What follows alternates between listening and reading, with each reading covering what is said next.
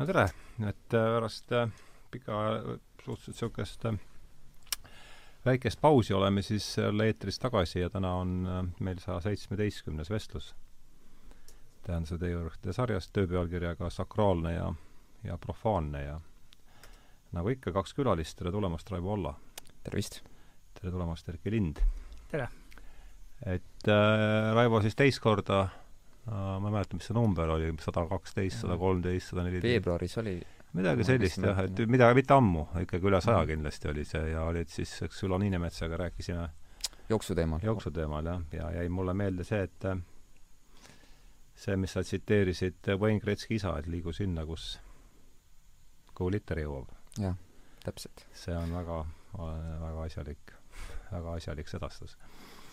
ja Erki Lind siis esimest korda, et ole hea, hakkame Erkist pihta, et ütle enda kohta paar sõna, enne kui me läheme, enne kui ma teema sisse, sisse juhatan. kõige üldisem enesetutvustus oleks ilmselt, et äh, ma olen religiooniuurija või siis äh, usundiloolane, nagu ka Mircea Eliade, kellest me siis täna räägime. ja jah, töötan otsapidi Tartu Ülikoolis ja natukene ka gümnaasiumis õpetan. no Raivo, ütle enda kohta ka paar äh,. ameti poolest tegelikult IT-arhitekt, aga äh, magistriõppes sai äh, religiooni antropoloogiat Tartus õpitud ja ja nüüd siis religiooniuuringud on see õppekava nimi, ma valesti ei mäleta, ja olen ka aastaid nagu siiamaani huvilisena nagu puurin neid teemasid oma nagu sisemaailma avardamiseks edasi, jah jah, me, teema käis, Mirza Eliade nimi käis siit, Erki juba mainis ta ära ja, ja tõepoolest, nagu sellest ka Youtube'i täna hommikul kirjutatud tutvustusest võib lugeda, et et Eliade on siis, Mirza Eliade on siis tõepoolest tänase vestluse keskne teema ja eesti keeles ma vaatasin, et kümmekond raamatut on ilmunud temast, et mul oli kodust võtta praegu siis see avatud raamatusarjas ilmunud äh, uurimus usundiloost ja, ja ma loen käivituseks siit ette. Äh, Erki on siia kirjutanud ka järelsõna, niisugune lõigu, mis mulle siin silma jäi ja andis mõtte selleks selleks samaks töö pealkirjaks. oluliseks saab see, kuidas, see on siis Erki järelsõnast sellele äh, Mirtseri Aade raamatule. et oluliseks saab see, kuidas inimesed on aja, on aja jooksul püha tajunud ja kuidas see on nende käitumist mõjutanud esiteks on püha Eliade järgi tavalisest või mittepühast täiesti teistsugune, midagi olemuslikult erinevat. ta ise kasutas selle mõiste edasiandmiseks saksa keelt, öeldes, et püha on ganz andere. pühaga seostus primitiivsele või religioossele inimesele ka võim ja vägi ning mis kõige olulisem, püha on tõeline. see tähendab, et inimese igapäevaelu ja kogu teda ümbritsev maailm ei ole päris, vaid on mittetõeline seetõttu on religioosse inimese kogu püüdlus, püüdlus elus suunatud tõelisuse poole ning loomulikult ka väe ja võimu poole. inimesed tahavad väega esemeid, olla väega kohtades ja tekitada ning taasluua aega, mis on päriselt. Nende suurim eesmärk on täielikult tõelisus, tõelisusesse jõuda või sellesse tagasi pöörduda. sakraalne ja profaanne on Eliadel ontoloogilised mõisted, mis oma põhisisult tähendavad kahte erinevat olemise viisi. see kuidagi kõlas minuga kaasa, see kõik, ja seetõttu ma ta sinna ka ette lugesin, et nojah, sakraalne ja profaanne, hakkame sealt pihta, mis, mis need pühaduse mõiste on ilmselt siis üks kesk, saab olema üks keskseid teemasid selles, selles vestluses ja kusagilt üritame äh, ta siis kuidagi piiritleda, kohe... paremat ideed vist ei ole mhm. praegu võtta niikuinii. see Gans Andre, et äh, see, see Gans Andre on see silma äh,. see on nagu täiesti teine, see oli siis tegelikult Rudolf Otto mm -hmm. äh, sellest püha äh, mõistest tulenev, et kuidas tema nägi seda pühadust, aga et Eliade ise tegelikult ka teadlikult Ottole tugineb, aga tema eesmärk on siis seda nii-öelda püha morfoloogiat või struktuuri nagu paremini kirja panna, et et millised on need religioosse kogemuse struktuursed elemendid või et seal ta näeb ka siis seda äh, kuidas ta nagu lahutab selle kaks olemisviisi, et et sakraalne on siis seda tüüpi olemislaad, kus, mis on siis, saab öelda veel üks polaarsus, et igavikule suunatud. Et see nüüdisaja inimene siis, tema, kes elab ajalikus maailmas, et teda nagu tabab selline sündmuste tulv ja ta nagu sellest, sellest niivõrd nagu ängistatud, et juhul, kui ta ei pöördu tagasi siis sellele pühakogemuse juurde või sakraalsele aegade alguses toimunud nii-öelda veel, muudkui tuleb järjest tema mõisteid, et paradigmaatiline või arhetüüpne selline äh, kosmogooniline kogemus, et millele religioosne inimene saab siis toetuda. et siis on ta kadunud, et nüüdisaja inimest ta ja võib-olla seda Eliade puhul ongi äh, ka natuke kritiseeritud, et ta läheb äh, väga isiklikuks, aga see on ka tema nii-öelda minu, minu meelest tugevus, et äh, et ta nagu paneb iseenda isiku mängu, kui ta nagu äh, uurimustööd teeb mm. -hmm. et siit ma võtaks kohe kinni sellest äh, religioossest kogemusest, mida sa mainisid. et äh, kogu see Eliade pühateooria ja siis ka Rudolf Otto pühateooria, mida siin juba ka mainisime, on seotud inimliku isikliku kogemusega ja selle, miks seda sel ajal, ehk siis kahekümnenda sajandi esimesel poolel nii palju rõhutati, äh, on seotud siis nende religiooni uuringute või selle distsipliini tekke ajalooga, kui üldse hakati esimest korda religiooni omaette nähtusena uurima, et noh, enne oli olemas teoloogia ja sellega seoses hakat-, tekkisid äh, siis psühholoogilised lähenemised, sotsioloogilised lähenemised, äh, millele siis reaktsioonina äh, öeldi, et, et, et niimoodi me nagu räägime teemast mööda või et, et me ei pane tähele seda kõige olulisemat, mis teeb religioonist religiooni ja see on äh, isiklik äh, kogemus. ja, ja see on põhimõtteliselt siis selline Eliade lähtepunkt erinevate teemade juures, et ta hästi paljudel erinevatel teemadel kirjutas religiooni kohta, uuris erinevaid teemasid, aga selline lähte- või pidepunkt oli siis see isiklik kogemus mm. -hmm. jah, noh, see on jällegi isiklik kogemus kui, kui me mõtleme teadus, no küsiks vahele veel enne, kui me selle, seda, seda niiti sikuta, niidijuppi sikutama hakkan, mis on, üritame niimoodi mitte väga põikas sellesse takerduda, aga, aga teoloogia ja religiooni, religiooni uuringute vahe, et see võib, ei oleks kahju, kahjuks ka siin teha mingi niisugune, et millega tegeleb, kus, kus need aktsendid siin ühel ja teisel juhul on mm. -hmm. sest kipu paljudel inimeste jaoks ma kujutan, et üks, üks, üks asi puha, et jaa äh,, eks ma üritan siis hästi lühidalt vastata, mis on sellepärast keeruline, et et neid arvamusi on ju palju ja, ja, ja mida, mida aeg edasi ja rohkem uurijaid, seda arvamusi, seda rohkem neid arvamusi tuleb. aga kõige lühidam võiks olla, et äh, teoloogia või kristlik teoloogia siis tegeleb ikkagi Jumalaga, et ta nii-öelda uurib Jumalat või seda, kuidas inimene äh, Jumalaga kontakti võiks saada ja religiooniuuringud uurivad religiooni kui sellist kultuurilist nähtust ähm,.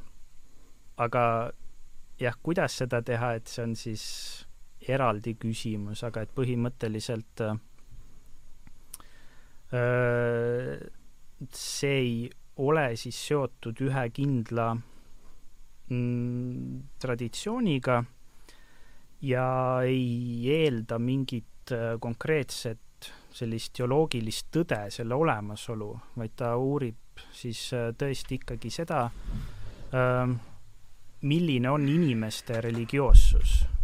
siin võib-olla ongi hea meenutada, et Eliadel endal oli ka selline homoreligioossus äh, kontseptsioon. religioonne inimene, religi-, religioosne inimene. religioossus kuulub nagu olemuslikult inimese juurde ja tema oli ka üks siis võrdleva usundiloo rajajatest, et kes äh, otsib neid, äh, ütleme siis, ühisosa äh, erineva kultuuride või traditsionaalsete kultuuride ja ka nüüdismaailma vahel, et siis, et leida seda nagu, ta nimetab siis kas püha, tõeline või siis ütleme, see, mis on nagu viimselt oluline mm, -hmm. et, et tema kaardistab siis seda maailma ja, ja tegelikult on tal see viimselt päris... oluline on Tillichi, eks, sõna, sõnavara natukene või? jah, jah.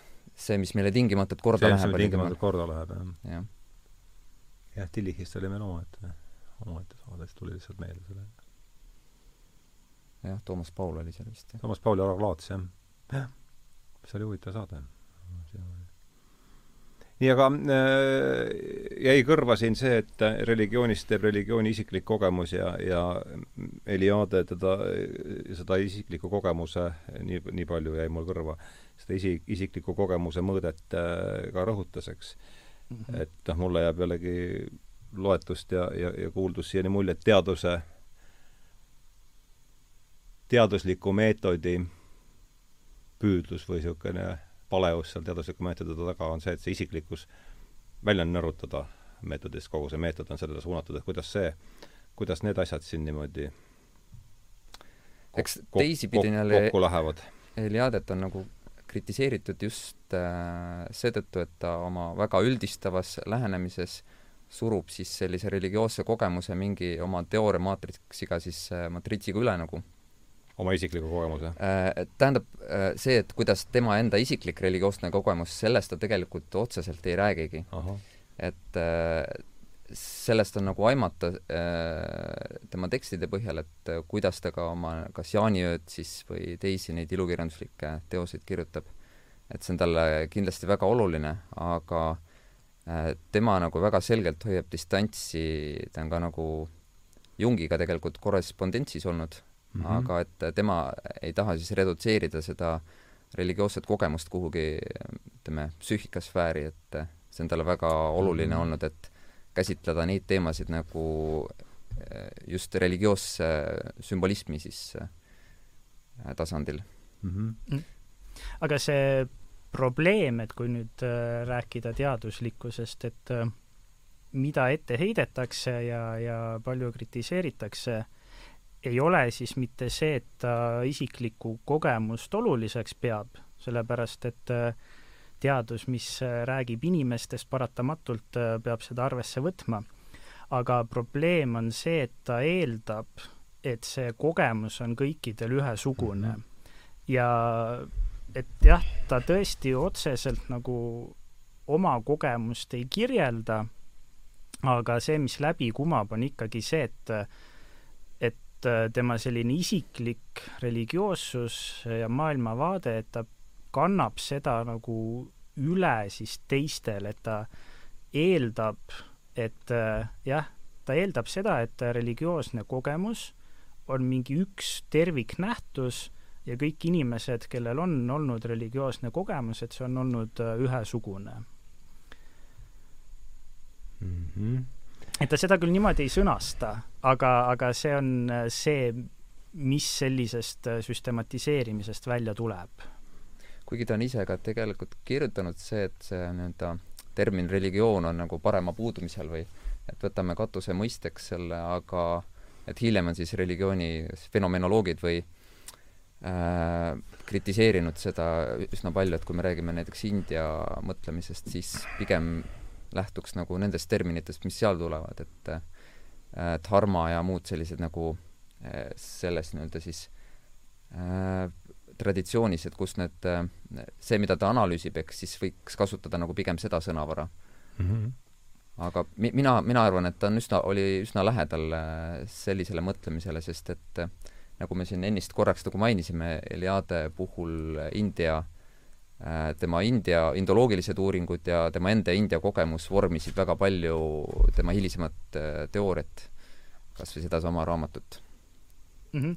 aga kui mõistetest rääkida, et siis lisaks religiooni mõistele äh, tema töödes on hästi palju erinevaid mõisteid, et su-, suures osas sellise mõisteloomega ka tegeles, et, et siin on siis jälle just see probleem, mida Raivo ütle-, mainis, et et ta loob need oma mõisted ja paneb siis andmed sinna oma mõisteraamistikku, mistõttu võib juhtuda see, et nagu selles algupärases traditsioonis või selles kontekstis, kus need asjad välja on kujunenud, kus need mingid praktikad, ideed on, et sealt, ja et sealt läheb midagi kaduma mm, -hmm. kui ta võtab nagu sealt selle mingi asja välja, mis siis sobib tema enda loodud mõistesse mm. -hmm aga ma loen siit veel ühe katkendi Erki järelsõnast ja siis ähm,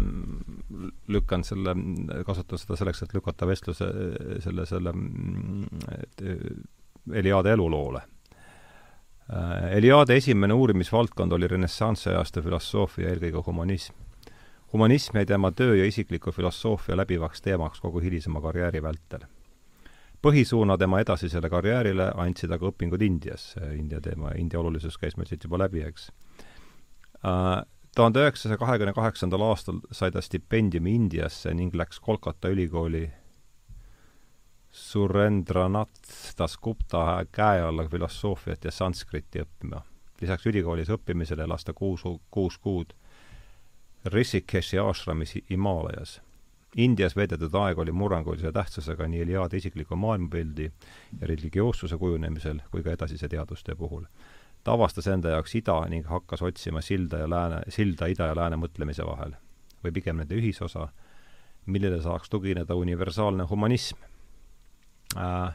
Räägiks natukene, et üldse ta eluloost ja sellest eriti äh, huvitab mind see India, tema see India epi, India side, et ma tean, et teil mõlemal on selle maaga ka omad, omad kogemused, et, et mm. äh, annaks niimoodi jällegi mitte väga äh, ärme sellesse väga sügavale sukelda, aga mis need üldised elu, eluloolised äh, piirjooned siin on, et sündis ta tuhat üheksasada seitse, suri tuhat üheksasada kaheksakümmend kuus, eks, Rumeenia taust ja, ja nii edasi, et ma võib-olla ise äh, jah, eks tuleb ikka alustada sealt, millest, mida nagu tead. et äh, mul on meeles, et ta neljateistaastasena juba kirjutas äh, Kuidas ma leidsin tarkade kivi, sellise mm. ja ta oli väga süstemaatiliselt äh, ka piiras oma uneaega. see oli artikkel, jah see oli jutustus tal. et äh, neljateistkümneaastaselt? Äh, nelja, ja ta tegelikult kaheksateistkümneaastaseks, äh, kui ta oli saanud, oli ta juba päris palju jutustusi avaldanud, et ja ja siis jah, piiras oma uneaega, et korralikult õppida ikkagi keeli ja süveneda erinevatesse teemadesse. aga see oli tõesti, see India, kuidas ta Indiasse sattus, oli, et ta mingi reisi peal, kui ta oli juba ülikooli õpi-, õpingud oli ta vist juba lõpetanud, ma ei tea, mis kraadi ta siis sai, ilmselt diplomitöö oli see, aga kohtas Giuseppe Tucit, kes oli siis ka üks orientalistika või indoloogia isadest äh, Itaal-. siis ta oli juba Rumeeniast ära, jah? siis ta oli äh, Rumeeniast ära juba või äh,? ta tegelikult, ei, siis ta oli veel Rumeenias, aga Aha. siis ta just äh, läkski, ta kuulis äh,, et tal on võimalik siis seda Dasgupta äh, juures õppida ta kirjutas kõigepealt kirja talle, et kas seda võetakse vastu mm. -hmm. et äh, tema joogaõpingud ja jooga ja natuke tantraõpingud ka seal äh, hakkasid siis pihta ja noh, võib-olla huvitav on see, et tal tekkis kohe oma guru äh, tütrega siis armusuhe mm, -hmm. et mis päädis sellega, et ta oli sunnitud sealt õpetaja juurest lahkuma. ja ta jõudis seal, ma ei tea, kui pikalt ta jõudis ähm, joogat seal tudeerida, aga et kui ta läks Rishikeshi see on nüüd juba Indias või? jah, see on kõik Indias. et äh, ta oli juba, ma arvan, et see oli Kalkuta, kus need õpingud olid. siin ta mainis ka seda et äh, Rishikeshi ta jõudis jah niimoodi, et äh, et kuidas ta siis sealt põgenes äh, või kuidas ta täpselt sinna jõudis, seda ma ei tea, aga seal ta kohtas ka Shivanandat, kes oli hiljem äh, läänemaailmas ka tuntud äh, šaivistliku äh, jooga siis äh, guru. aga, aga noh, tema ise ei ole väga palju sellest perioodist kõnelenud, et minu jaoks on nagu huvitav olnud, et äh, kui palju nagu teda initsieeriti seal mingisse konkreetsesse praktikasse. et äh, sellest ma ei tea, kas üldse on kuskil kirjutatud mm. -hmm. ja hiljem, kui ta tagasi tuli, siis ta hakkas äh, kirjutas kohe Maitrei nimelise jutustuse, mis oli siis äh, tema armuloost äh, Dasgupta tütrega. sellesama Kuru tütrega siis? jah ütle palun selle raamatu nimi veel äh,. Maitrei. Maitrei. et mina ise ei ole seda kahjuks lugenud, et äh, et olen lugenud hilisemat kas see oli eesti keeles olemas või? on küll, aga ma ei tea, kas Erki on eesti keeles teda lugenud. ma ei, ei ole jah mm. -hmm. aga eesti keeles on olemas, teate? jah, jah, jah, eesti keeles on ta olemas.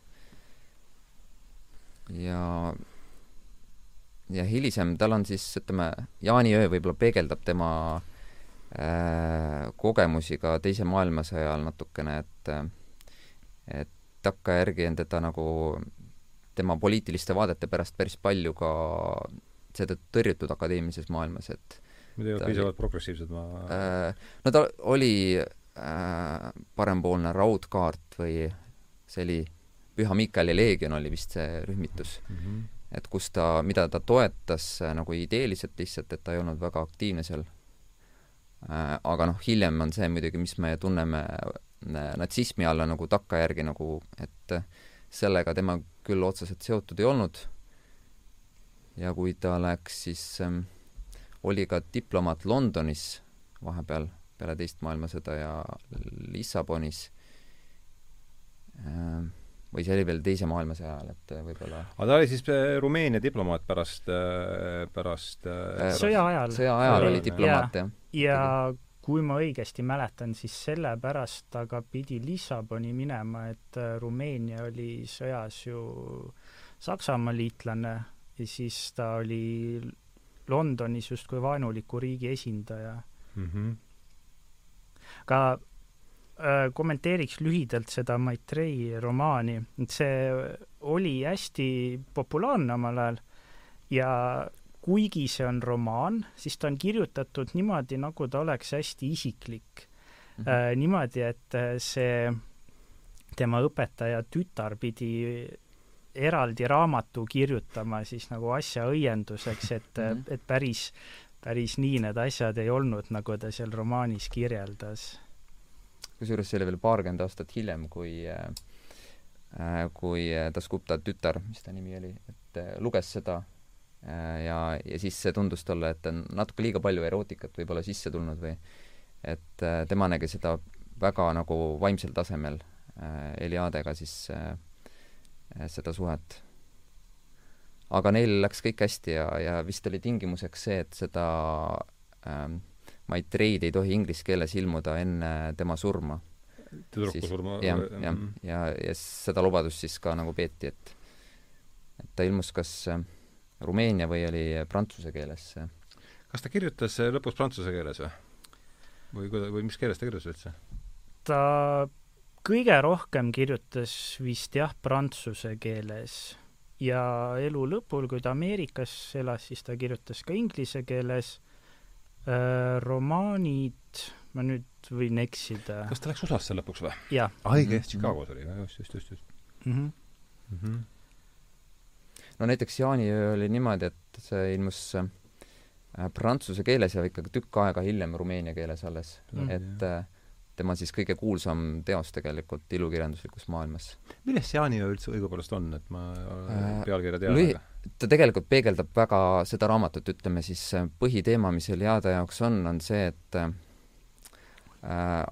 aeg siis, ütleme, aeg on niisugune labastav ja teeb meid nii-öelda äh, tuimaks edasirühkijaks e, ja et äh, seal on ka üks põhitegelane, peategelane Stefan Visiru äh,, kelle kinnisideeks või ütleme siis spirituaalseks rännakuks on kaheteist aasta vältel olnud äh, otsida sellist äh, kap-, pühaku kogemust või ajavälist kogemust mm. -hmm. ja, ja selleks on tal kõik ähm, ka oma salatuba seal, kus ta käib ja äh, üksi nii-öelda kas maalib või mida ta täpselt seal teeb, aga on nagu täiesti sellises äh, justkui ajavälises äh, noh, otsingus vähemalt ajavälisele kogemusele mm. -hmm. Aga paralleelselt taustal käib siis ka tema nagu armuelu või tal on nagu kaks naist, keda ta mõlemat justkui armastab ja ja siis see, mis lõpuks seal saab, et äh, seal on hästi palju sellist maagilist realismi või et äh, ta oligi üks äh,, saab öelda, et maagilise realismi mm -hmm. suurkirjanikuks just selle romaaniga, et aga taustal on muidugi see, need nii-öelda need ajaloolised sündmused Teise maailmasõja vasakpoolsete ja parempoolsete nii-öelda äh, erinevad nagu äh, vangivõtmised äh,, võimu näitamised, et see on kõik nagu taustaks. see tegevus toimub kus üldse äh,? Bukarestis. Bukarestis, valdavalt Bukarestis, jah. mis raamatut teie kumbki soovitaksite Eliadat esimeseks, kui pole üldse lugenud? Ma võin alustada selle ilukirjandusliku maailma poole pealt, et seal on tegelikult äh,, millest ei ole rääkinud, täna on Mintu Leasa tänavas, mis on ilmunud. ma vaatasin, et see oli eesti keeles olemas. et see on täitsa niisugune, ütleme, lühiversioon jaaniööst. ahah, Mintu Leasa et, tänavas, jah. jah. et ma arvan, et kui anda lühisoovitusi, siis teine on see sakraalne ja profaanne, mis on äh, kunagi Vikerkaares ilmunud äh, vist mitmes numbris järjest ja see annab nagu minu meelest hästi kompaktselt ja populaarteaduslikult edasi selle nagu religiooniloolise mõtte, mida ta on nagu selles uurimus usundiloost, et on nagu palju detailsemalt nagu lahti kirjutanud siis mm. -hmm. mis sa Erki soovitaksid siis? mul ei ole siia midagi lisada, et äh, ma olen täiesti nõus, et, äh, et, et just selle usundiloo poole pealt, et see on see, mis sobib ilmselt kõige paremini sissejuhatuseks. seesama tänavalugu? või see Sakra-, mis Sakra, Viker, Viker. Mm -hmm. ja see on Vikerkaares ilmunud, ma ütlesite, jah? -hmm. aga tuleme siis selle, räägiks sellest India majandusmudelist natukene lähemalt, et kuidas ta, punkt üks, kuidas ta sinna sattus, kuidas see teda mõjutas ja ja no laseme siin niimoodi, spekuleerime vabalt, et teil on, sina oled ju ka käinud Indias, eks ole, ja, ja mm -hmm. ma mhm. tean, et sul on India kogemus, et et võib, mind ka huvitab see, ma ei ole ise, ise Indias käinud ja, ja, ja et äh, võtaks selleks kohe niisugune natukene aega mm. -hmm. Eliade ja ja India ja teie India ja lääs ja ida ja lääs ja India, kogu see temaatika tundub olevat väga põnev kuni Erki juba hakkas rääkima midagi. et ma muidu oleks, mul praegu lihtsalt turgatas meelde, et on ju selline huvitav artikkel on ka ilmunud äh, ajakirjas Tuna, e, nagu religioosne sümbolism ja nüüdisaja inimese ebakindlus. mis aasta see võis olla umbes äh,? kas kaks see on Eliada, Eliada artikkel või äh,? jah, et Aljan Tudam on selle Aha. tõlkinud. ütle palun pealkiri veel tundus? Äh, religioosne sümbolism ja nüüdisaja inimese ebakindlus.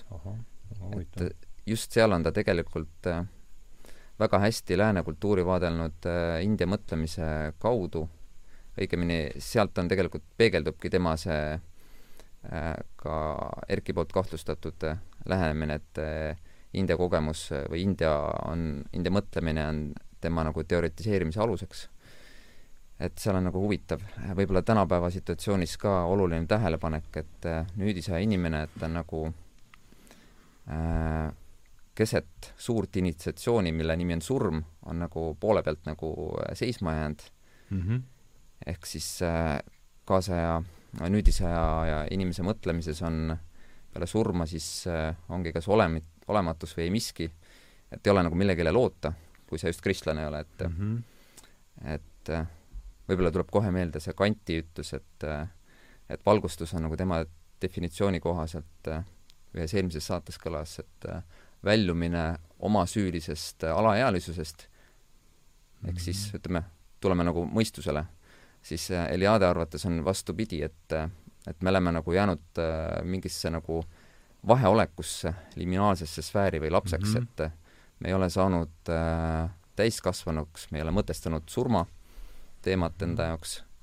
ehk siis et ja seda ta on va vaadelnud siis India maja ja liila otseselt seal liilat ei ole, aga Maja mõiste kaudu et kui Maja siis seesama Maja loori ma jah, justkui loor mm -hmm. on arvatud ka, et justkui illusioon, aga et ta just rõhutab, et see ei ole ajalooline kogemus siis, et või ei ole nagu illusioon, ta on äh, füüsilise maailma kogemus, aga mis ei ole siis see viimne kogemus, vaid et äh, peale kosmilist mängu, mis ongi nagu on nimetatud Indias ka Maja liilaks või et on selline jumalik äh, mäng, illusioon, milles me kõik oleme osalised aga pärast seda veel on nagu naasmine nagu äh, Brahmanisse või ütleme, äh, päris olemisse, siis absoluutsesse olemisse. et äh, see on siis see, mis on läänemaailmas puudu jäänud peale Jumala surma. Ja see, see lühikene essee tegelikult on natuke ka tema humanistliku käsitluse võib-olla üks peegeldajatest, et et seal ta esitab küsimuse, et miks üldse uurida idakultuure et et see on vajalik selleks, et millegi täiesti teise võõra kaudu nagu iseenda kultuuri juuri vaadelda mm. -hmm. et mingi distantsiga ja siis ärkad nagu oma kultuuri juurtele üles uuesti mm. -hmm jaa, see, mis sa viimaseks ütlesid, oligi ka see, mida ma oleks tahtnud öelda, et äh, ma päris nii ei ütleks, et ta nagu India mõtlemise kaudu asjadest kirjutas, vaid just nimelt see tema isiklik India kogemus, mis on kindlasti midagi hoopis teistsugust kui äh, siis äh, India enda mõtlejate mm -hmm. ideed. ehk siis äh, ma küll ju täpselt ei tea, mida ta seal Indias tegi, aga põhimõtteliselt ta läks ikkagi lääne filosoofia haridusega ja sellise renessansi aja hermenistliku filosoofia huviga äh, ja ja siis omakorda seda India mõtlemist ja India praktikaid, millega ta kokku puutus, et neid äh, ta siis ka nagu sellest lähtuvalt äh, võib-olla tõlgendas, aga aga et jah, lõppkokkuvõttes, et tema see selline programmiline osa võib-olla oligi tõesti leida mingit sellist universaalset äh, maailmapilti äh,,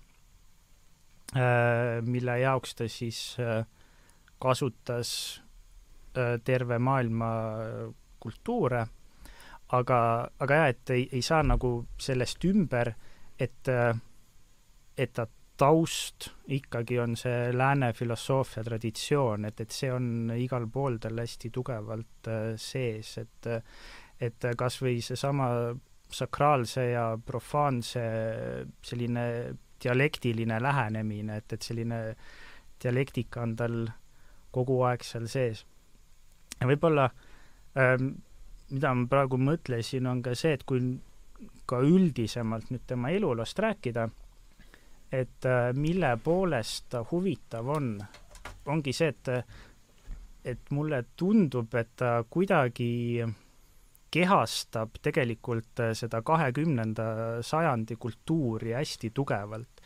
et äh, ta eluaastad lähevad nagu sellega kokku, et ta tegi põhimõtteliselt kõik need kahekümnenda sajandi kultuuri olulised muutused, vapustused, ideed hästi isiklikult äh, läbi, äh, alates siis äh, tõesti kahe-kolmekümnendate poliitiline, ma ei tea, ütleme selline segadus nende modernismi ideede kontekstis, kus otsiti siis sellist tuleviku maailmakorda, mis läks jah, nii nagu me teame, kuidas see läks Äh, siis selline eksootika otsimine, tema India kogemus, siis äh, Teise maailmasõja äh, trauma ja siis selline kuuekümnendate vaimsus, et mm, -hmm.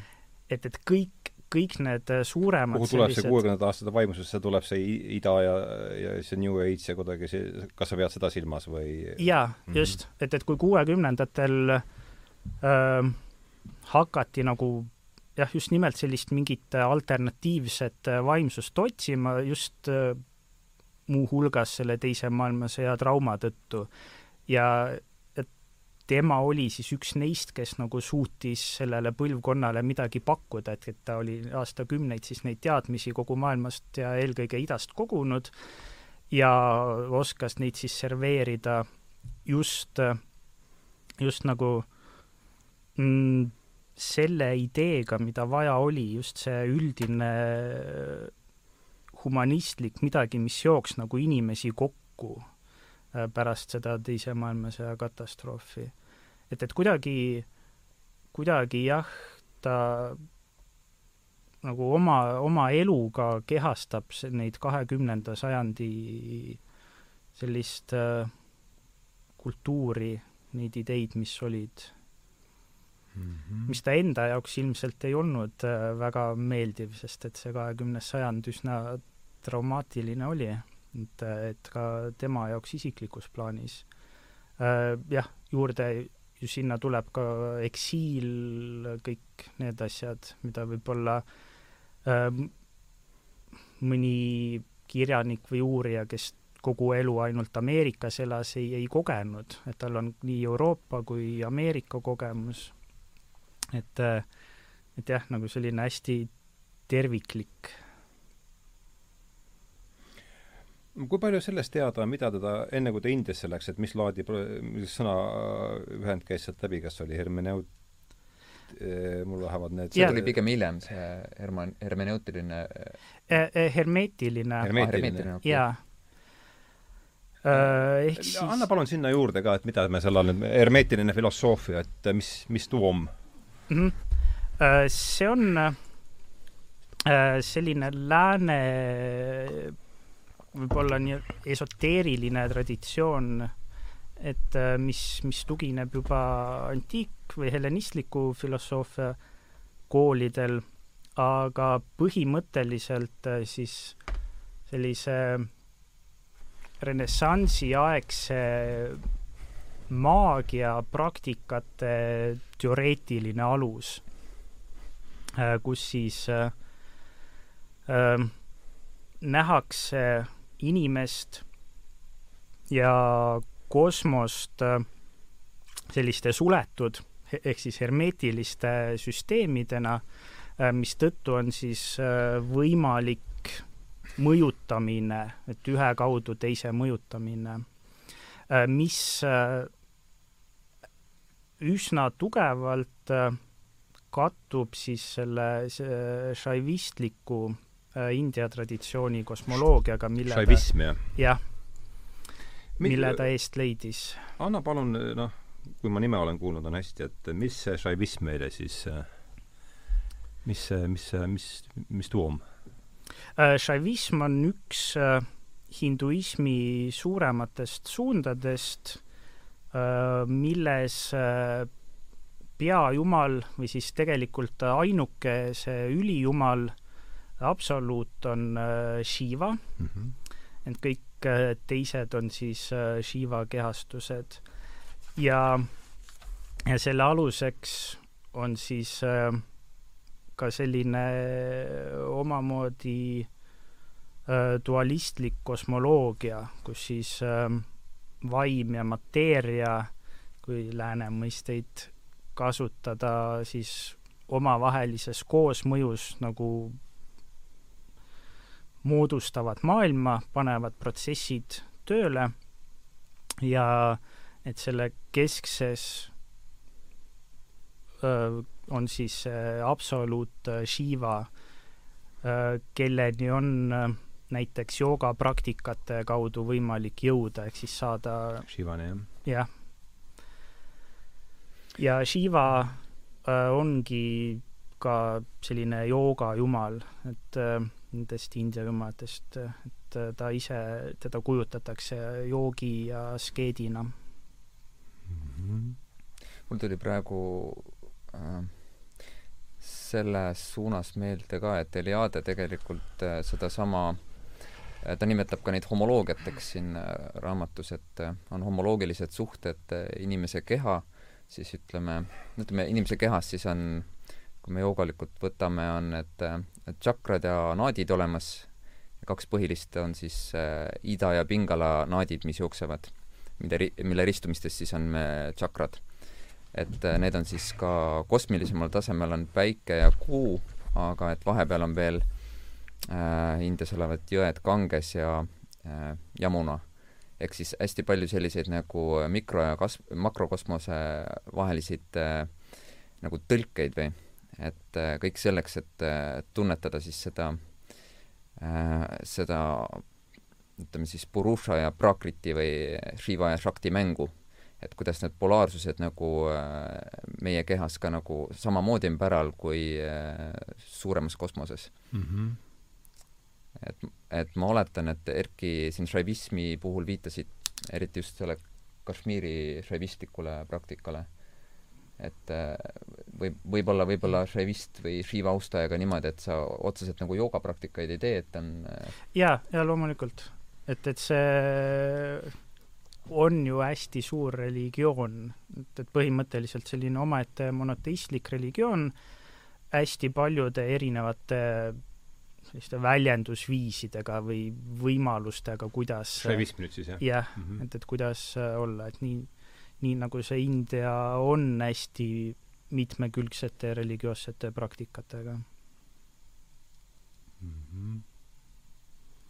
nojah, kui ma nüüd seda esimest tsitaati lugesin et äh, kus meil oli siin see sakraalsest ja profaansest, et kus see siin täpselt oligi, et äh, siis noh, ega muidugi selles ei ole midagi üllatavat, ükskõik kui me midagi kus siin see need read olid, et see tähendab, et inimese igapäevaelu ja kogu teda ümbritsev maailm ei ole päris, vaid on mittetõeline.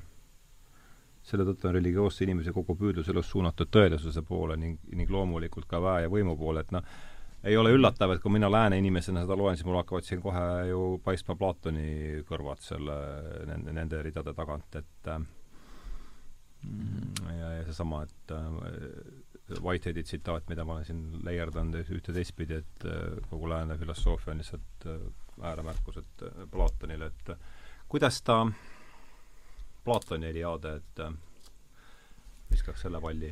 kusjuures ma ei tea, kas ta üldse Platonit on kuskil äh, tsiteerinud. ma ei oska ka kommenteerida, et ma niimoodi ei tule küll ette, et ta otseselt Platonist räägiks, aga sellega täpselt niimoodi ongi, et äh, kui aluseks on äh, lääne mõtlemine Äh, siis see tähendab äh, me oleme väga... kohe seal, eks jaa.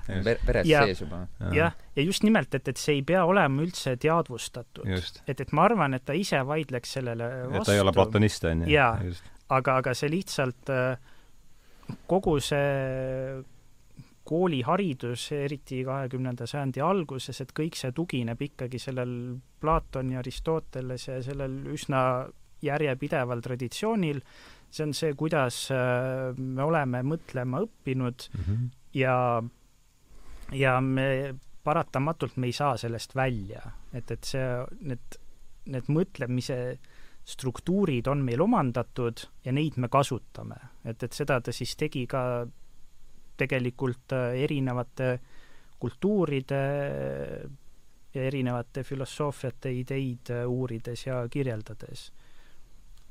Seda küll, et ütleme niimoodi, et äh, päris tegelikkus või ütleme, olemise põhi, et äh, saab öelda, et ei ole mitte see maailm, vaid nagu selline transcendentne maailm või siis ideede maailm justkui, aga et, et samal ajal ta rõhutas, et äh, see ajalik kogemus ei ole ka nagu tühja äh, visatud, see tuleb läbi teha ka, aga teadmises, et et meil tuleb äh, noh, kristlastel nagu aru anda kõrgemal, aga tegelikult äh, Äh, noh, karmaseaduste järgi me, äh, me tuleme taas, see uuesti sünni teema on talle ka väga oluline tegelikult mm. -hmm. et kõik ei ole läbi. mis on äh, nagu Nietzsche ju, Nietzschega tundub olevat ju kohe riimuvat või? No Nietzsche oli just, kes nagu sarjas neid tagailmlasi et kes Aha. tahavad nagu teisele poole väga trügida, et et tema nii-öelda pööras selle jumala pigem sissepoole, et ei otsi nagu väliselt. jaa, aga tõenäoliselt Nietzsche mõjud jällegi nagu kogu kahekümnenda sajandi alguse Euroopa kirjakultuuris, et need ei saa üle ega ümber, jah? jah, et need on seal paratamatult olemas. ja et kui ma praegu mõtlen, et see Nietzsche Dionüüsosliku otsing, et, et see läheb ikkagi ka Eliade sellise kaotatud paradiisi otsingutega kokku nojah, eks see ju selle šamanismi raamatu algpealkiri on eks ekstaatilised mingid sellised äh,, ma saan aru, et see ekstaasi, ekstaatiliste huvi ekstaatiliste seisundite ja ja, ja kõige ja, selle vastu, veel kord, ja ma tunnen, tean tast, ma tegin selle saate selleks, et tast midagi teada saada, et ma. Tean tast, tean tast vähe, aga mulle tundub, et see ekstaatiliste seisundite otsing on üks äh, sellest vähe, vähesest muljest on jäänud, et see on üks läbiv joon või kuidas, kuidas see teile, see tundub? olen ma väga valel. jaa, absoluutselt. ja praegu tuleb meelde, et Nietzsche't on maininud küll, et ma täpselt ei mäleta, kus, aga et ta on ikkagi, ikkagi sellist äh, selles mõttes eeskujuna teda nimetanud, kuidas äh, Nietzsche siis äh, oli loominguline oma oma töös, et ta mm -hmm. ei mhm. kirjutanud sellist akadeemilist, vaid et ta kirjutas nagu loominguliselt, äh, et oma ideid väljendada ja seda Eliade pidas eeskujuks. Kusjuures stiili ja sellist, sellist yeah. ja no võib arvata. mul tuleb isegi üks konkreetne koht meelde, kus ta mainib, et ta ta nagu fantaseeris, et mis oleks saanud, kui Nietzsche oleks kohtunud noh, sanskriti keele kaudu äh, India mõttelooga äh, et, et temast oleks saanud midagi rohkemat, kui sai Nietzsche sõber äh,, indoloog äh, Paul äh, Thyssen oli äh,, Toissen tähendab jah, et kes oli tema sõber, aga Nietzsche äh, ise Indiale nagu otseselt nagu väga ei lähenenud. et, et, et Eliade nagu fantaseeris sellel teemal, et äh, sealt oleks võinud midagi nagu sündida, sellist dionüüslikku siis mm. -hmm et võib-olla see, et miks mind natuke nagu ma näen neid eraldi, et Eliade on nagu selline suur süstematiseerija, mida Nietzsche ei olnud.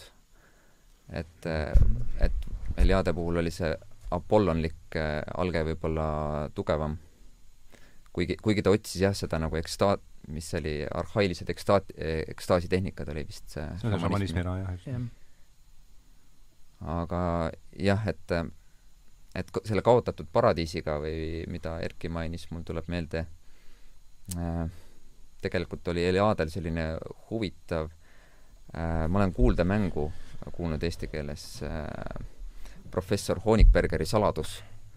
see on tema enda oma Eliade lugu või? jah, jah. just, jah, ma nägin ka ja seda. seal oli hästi põnev, et ta täitsa äh, lõpus oli seal see uurija või teadlane ka kes neid äh, India esoteerilisi või joogalikke praktikaid järgi tegi, et siis eesmärk oli lennata Shambhala poole uh.. Shambhala, see on selline äh, India ja Tiibeti religioossel maastikul selline ühelt poolt nagu kujuteldav koht äh,, selline äh, kuldaeg või kuningriik.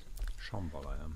ja, ja teiselt poolt on nagu selline sisemaailma, ütleme, püüdlusi kajastav Äh, mitte nüüd geograafiline reaalsus, vaid et ta on äh, mingi koht, kuhu me tahame välja jõuda. et Shambhala lihtsalt oli toona kolmekümnendatel väga oluline ka, äh, käisid tegelikult natside kaks ekspeditsiooni käisid seal otsimas ja seda mütoloogilist Shambhalat ja, aga nad käisid ka kõike muud seal tegemas, et Tiibeti, tiibetlaste koljusid mõõtma ja niisugust nii-öelda aarialaste päritolu selgitamas. see aaria joru ju kõik seal taga veel, eks ole. jah.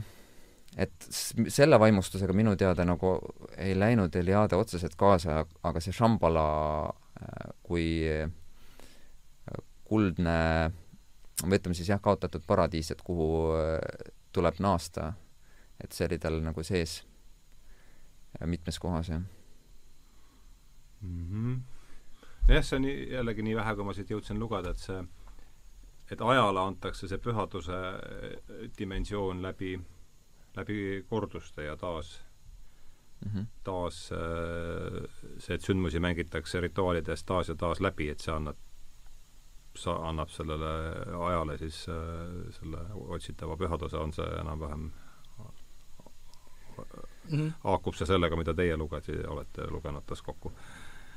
jaa ja kui ma praegu mõtlema hakkan, et siis see on ju ka tegelikult väga, väga plaatonlik, et et, et miks ideede maailm on päris ja, ja see nii-öelda teine mitte, ongi sellepärast, et, et, et siin maailmas asjad muutuvad, et see muutumine on see, mis kaotab nagu selle pärisuse ära mm. -hmm, ja et, et, et seda, seda muutumatut äh, päris olemist siis äh, otsitakse tema järgi. ja see nii-öelda paradigmaatilised teod, mis on tal oluline, et noh, India, India suunal näiteks on tal ka toodud selline näide võib-olla, mis ongi kõige tuntum selline kosmogooniline müüt, kus äh, taevajumal või Indra, ütleme siis äh, piksejumal või kuidas teda öelda, tapab sellise äh, lohe või lohemaa või siis ütleme, teemani Britra äh,, kes on, kes on nagu mingil tasemel ka põuateemon äh, ja selle nii-öelda äh, kirvehoobiga või vasarahoobiga, millega ta surnuks torkab mao, et et sellega ta siis äh, vabastab sellised äh, viljakust toovad äh, veed, mida põuateemon on hoidnud nagu enda käes, et ehk siis selline paradigmaatiline tegu, mis on maailma loomiseks vajalik ja see parag-, paradigmaatiline tegu oli tema enda mõiste Eliade toodud termin sisse ja,? jah, minu, minu teada küll, et see ja noh, seal on oluline, et see ei toimunud üks kord, vaid et et nii, nagu me näeme, et aastaajad siin ka tuleb kohe varsti eh, päris suvi peale, et et just eh, aprilli lõpus ja ja mai alguses toimuvad need väga, väga palju neid selliseid mai, maipidustused või riitused, millega siis pühitsetakse seda äh, tagasitulekut? no ütleme niimoodi, et jah, see, mida Indra tegi Britraga, seda tuleb nagu kogu aeg teha, teha, et mm -hmm et me oleksime nagu selles päris olemises. Ja et maailm isegi püsiks üldse. no kui me nüüd räägime siin ida ja lääne filos-, filosoofia, religiooni kokkuvõttepunktidest, siis esimene oma väga napi selles suunas hariduse põhjal, baasilt tuleb mul Schopenhaueri nimi kohe ette, et kuidas, mida me nende, nendest kahest, Eliade ja Schopenhauer, kuidas on teeb ta temast juttu, on tuleb üldse midagi ette või lähme siit edasi? Ei tule ette praegu tule, mulle. kes, keda, keda, kes on üldse, keda ta ise, ise hindas siin lääne poolt ja, ja keda ta, kelle järgi ta, Rudolf Otto käis siit läbi, eks? jah. kellest võiks ka omaette veel teha natuke, rääkida natukene, et mis aga ma... äh, kui ma mõtlen, et kas tal oli väga palju selliseid, tal oli palju inimesi, keda ta tsiteeris, näiteks äh, Fraserit on seal raamatus palju Aha. tsiteeritud mm, -hmm. aga pigem mitte kui Fraser oli see kuldne kuldne oks, kuldne oks, jah. aga pigem just nagu ähm, ütleme, allika, kuna Fraseril oli väga palju sellist kokku kogutud äh, antropoloogilist materjali, erinevaid müüte, et ta ei olnud tema nagu selline filosoofiline eeskuju pigem, vaid et äh, hea allikas, mida tsiteerida. Et äh, noh, tegelikult hi-, hilisemas elus äh, ta nagu hindas päris palju ka Jungi mm, -hmm. aga selles raamatus ei ole veel äh, tal vist Jungiga esimesed seosed tekkisidki viiekümnendatel, kui ta Jungil oli see Eranose. ja ma just tahtsin öelda, kas ta oli Eranose satsis jah, oli, oli. oli jah mm, -hmm. ja mul ka kuidagi tuleb meelde see. või isegi rohkem aasta jooksul ta regulaarselt võttis osa seal. Et küllap sealtkaudu ühelt poolt tema oli nagu üks kõnelejatest, aga ma arvan, et Jung tegelikult mõjutas teda päris palju. Neil on vahet mingi põlvkond või, umbes? Jung on, mis, millal Jung sündis, on mingi äh... ei tea peast üsna sama, tegelikult pigem, samas, pigem sama, pigem sama või? jaa. aga Jungiga ma mõtlen, ma ei, ma ei ole kindel, kui palju nüüd üksteist mõjutanud on, et seda muidugi ka, aga pigem Jungiga ongi see asi, et nad mõlemad esindasid nagu seda oma aja vaimsust, et, et, et need, et see vaimsus, mis sel ajal oli, viis nende tulemusteni, et nad olid nagu sellises samas kultuuriruumis, mistõttu nad jõudsid nagu võrreldavate ideedeni. et, et ma arvan, et, et seal see otsene mõju nagu vahetu mõju on väiksem, kui et mõlemad nagu ammutavad ühest ühest pinnasest. jah. ma olen nõus sellega, sest et nad tegelikult, vähemalt Eliade üritas ka distantsi hoida, et need et liiga palju samadest asjadest ei räägiks, sest äh, juba oli ka nagu väikseid arusaamatusi, et kui Eliade räägib ka arhetüüpidest mm, -hmm. räägib äh, ka igavesest tagasitulekust, et siis ta noh, pidi hakkama ka sel-, selgitama, et ei, see ei ole Nietzsche igavene tagasitulek, millest ta kirjutab. ja hmm. ei, need ei ole need arhetüübid, mis Jung mõttes, kuigi on nagu otsapidi seotud, et või, võib-olla ta hoidis jah, oli mõjutatud jah, samast nagu pinnasest, aga et nagu ma enne ka mainisin, et ta eelistas hoida nagu seda materjali religioosse kogemuse pinnal, et et Jungil jälle oli vastupidi, et tema väga konkreetselt ütles, et tema äh, tegeleb äh, transcendentse ilmnemisega inimese psüühes, et mm -hmm. tema ei trügi nagu religiooni uurijate või teoloogide maale jah, mina saan, jällegi nii vähe, kui mina sellest asjast aru saan, et Jung toob needsamad Platoni arhetüübid või vormid siis inimese psüühesse. See on hästi üks võimalus, -hmm. mulle see asi kuidagi mingil määral -hmm. noh, arusaadava mm, -hmm. arusaadavaks teha, ma ei tea, kas, kuidas te sellega olete, haakub see selle, sellega, mis te ise olete tegelikult ühes kohas on ka Eliade maininud, et Jungi nagu põhiline arhetüüp, äh, mis ongi niimoodi, et oli, on see ise mm -hmm. ja et ehk siis tegelikult selline terviku sümbol äh, ja India kaudu siis ütleme, oli Jung, Jungile see mandala oluline mm. -hmm.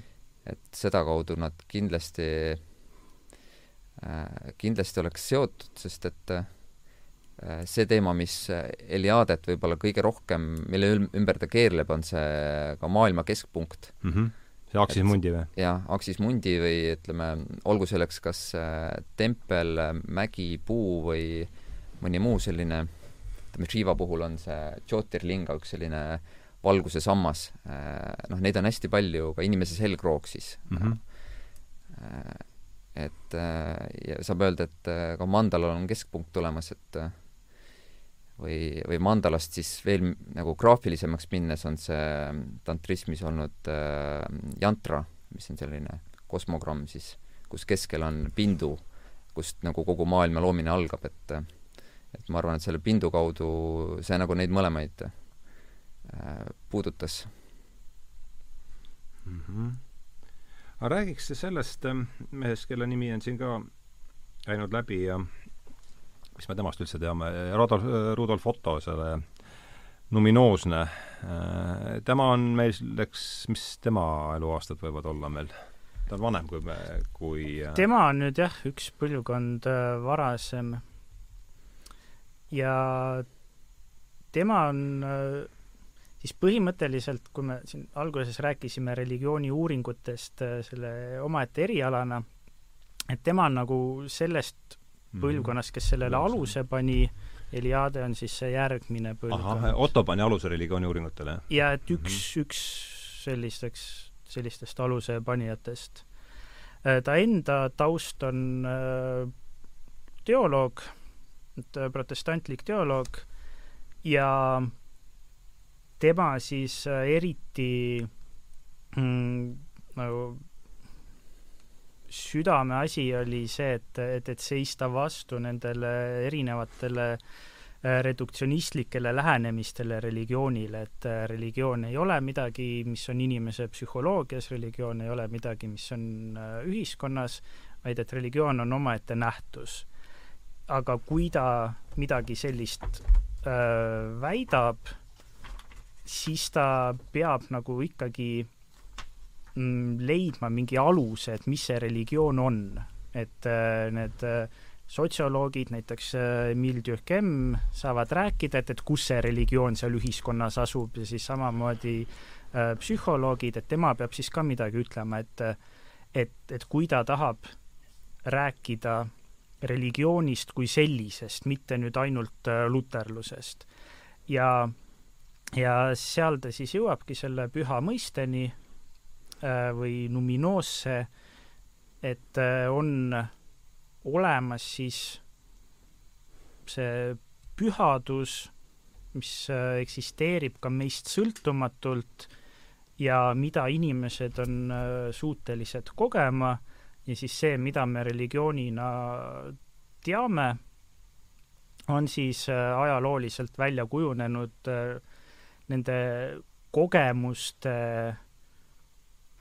reaktsioonide põhjal, et, et kui inimesel on see püha kogemus, et kuidas ta seda väljendub, mhm. mis, mis sõnu ta kasutab, tahab seda kunstis väljendada ja et niimoodi siis tekivad religioonid, aga et, et kogu asja keskmes on siis püha kogemus ja lihtsalt siis luterliku teoloogina, et tema jaoks äh, kristlus on siis kõige täiuslikum religioon, sest et see väljendab seda püha kogemust äh, äh, kõige täielikumalt, kus saavad kokku siis see irratsionaalne pool, mis on siis, mida ei ole võimalik sõnadega seletada, ja siis ratsionaalne pool, et mhm. mis saab siis nagu selle teoloogia aluseks olla mm. -hmm.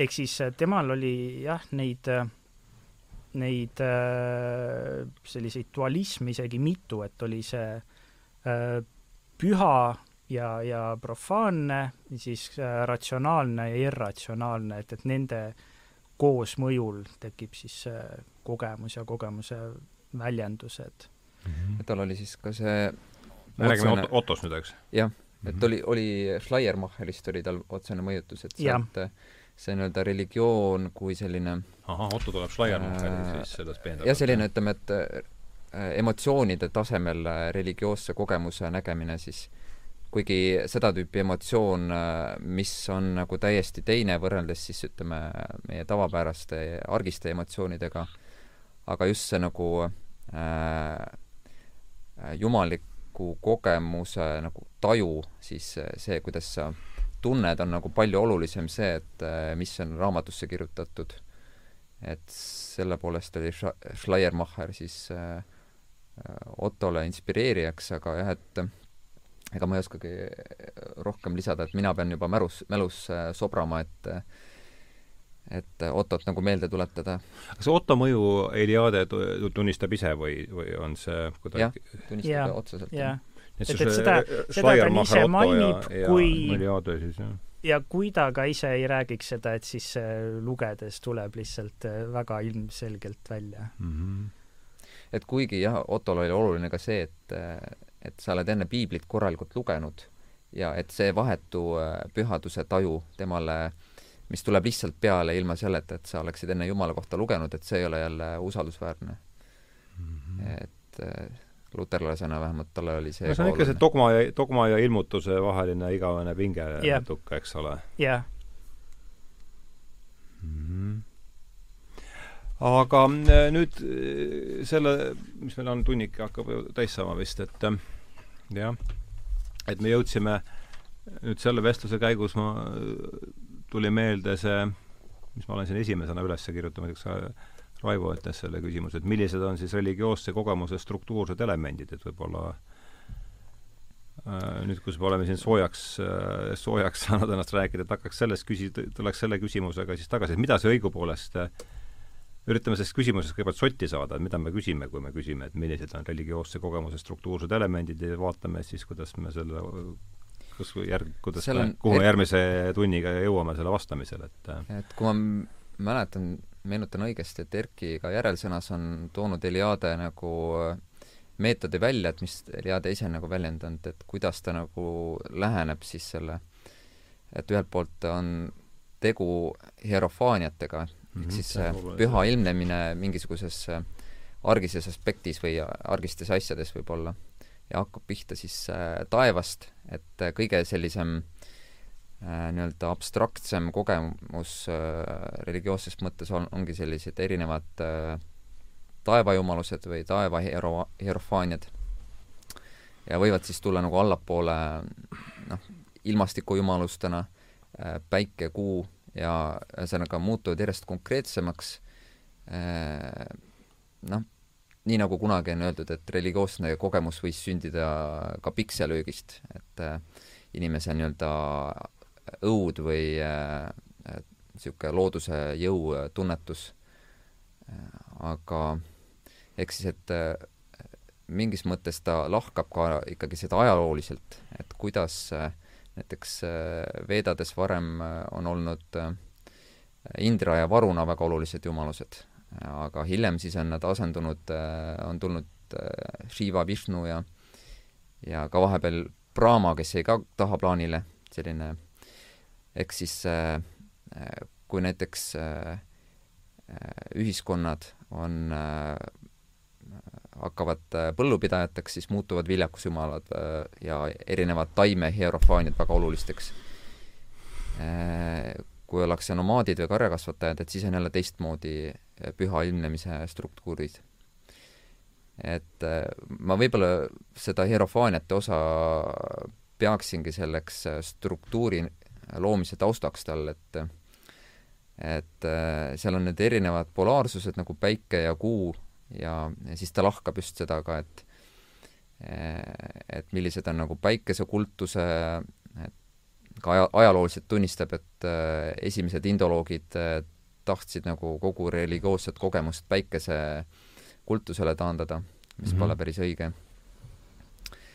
Äh, Vaat võib-olla Erki võtab otsa üles, et mul praegu läks võib-olla liiga ümmarguseks juttu või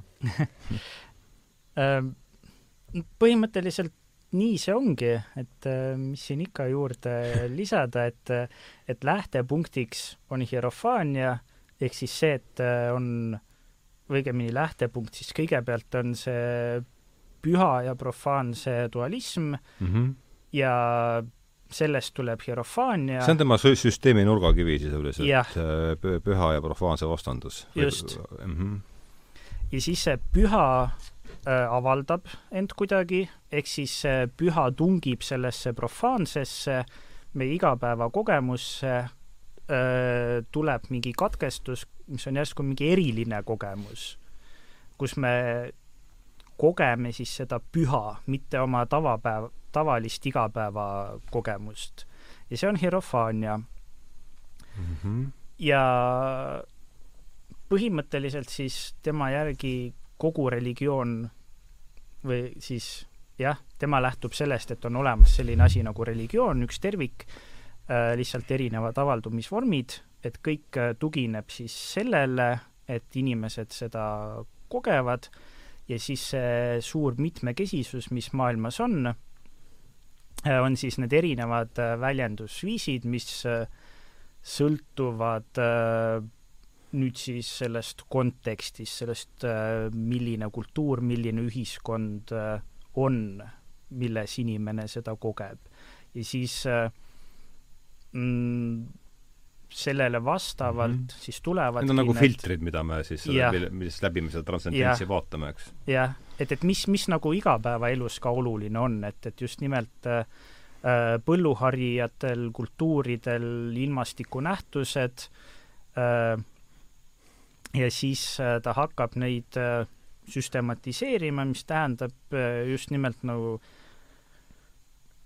kokku koguma mingite selliste üldmõistete alla, et erinevates kultuurides mingid päikesega seotud ideed, praktikad, lood, et, et need saab siis selle ühe hierofaania alla kokku koguda ja siis vaadata edasi, et, et kuidas see hierofaania, päikese hierofaania avaldub, mis tingimustel. Ja siis äh, äh, võib-olla siis see järgmine asi, et kuidas see on mingi teistsuguse hierofaaniaga, näiteks siis vee hierofaaniaga seotud mm. -hmm. jah, et võib-olla vee hierofaania on siis pühalikkuse ilmnemine vee, vees ja ta toob seal, et just vee, vee puhul on oluline see nii-öelda virtuaalsuse vägi, et mis no karistimisel, et ta teeb sind, võimaldab sinu uuesti sündi ehk initsieerida nagu sind kas uueks olendiks või äh,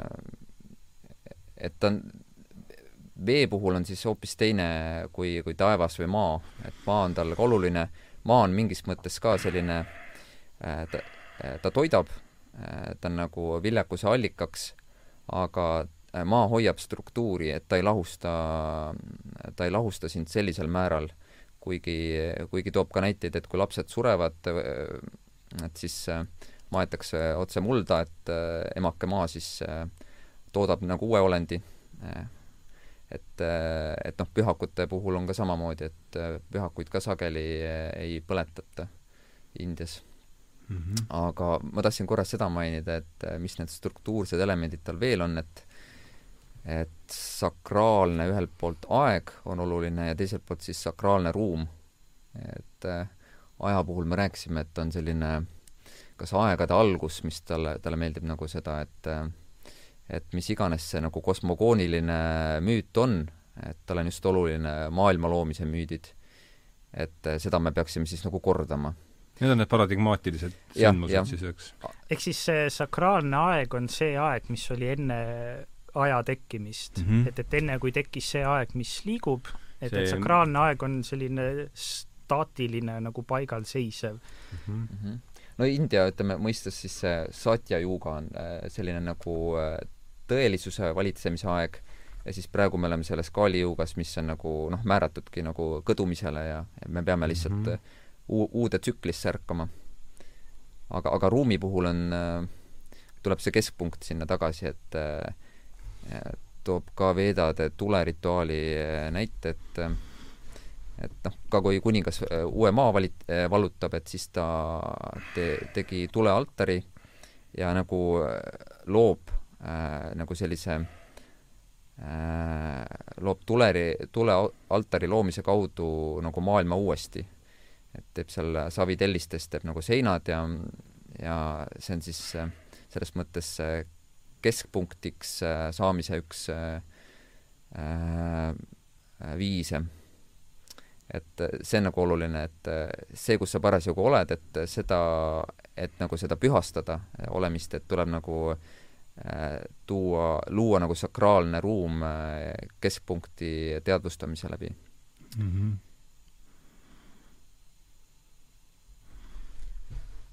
ajaga on seda lihtsam, see läbi, läbi selle korda no ruumiga korduvuse, eks, aga kuidas ta nüüd selle ruumiga, et see jäi mulle natukene võib-olla, kuigi noh, selle samas võib-olla mingid konkreetsed näited nagu, et noh, India puhul on see müütiline Meerumägi või siis Kailashi mägi, mis on nüüd mm -hmm. reaalne juba. et see on see, kus äh, Kailash siis elabki Shiva oma naise Parvatiga ja see on nagu see tõeline olemise asupaik, et sealt nagu kiirgab kõik välja või mm -hmm. ja selle ümber äh, tehakse ka palverännakuid, et äh, et sinna minnakse siis nagu päris äh, tõelisusest osa saama. või lihtne näide, et kui ehitatakse tempel, mille põhiplaan on siis see kosmoseplaan mm, -hmm. ehk siis no see aimab järele kosmost, eks ole? just, just, just. ja siis äh, seal on Jumala kuju, nii nagu kosmoses Jumal kõige keskpunktis ja siis see, mis seda tõelisust esindab et siis templis samamoodi ja niimoodi, kui luuakse nagu kosmosemudel, et siis selle kaudu on siis võimalik nagu nii-öelda liikuda nende jällegi olemise sfääride vahel, selle üht, ühesuguse ja teistsuguse olemise, et, et et, et sellist ruumi on siis võimalik nagu teadlikult äh, luua. Mm -hmm.. kusjuures ja Vedade ajastu arhitektid vähemalt äh, templit äh, luues äh, Äh, kui nad nurgakivi panid, siis nad kordasidki seda äh, mütoloogilist äh, Indra lohetappu, et kus nad selle nurgakivi asetamisega justkui sümboolselt surmavad selle Pritra lohemaa. ehk siis, siis mängivad selle müüdi uuesti jah, mängivad selle läbi ja see nagu äh, siis jah, pühastab selle templi loomise.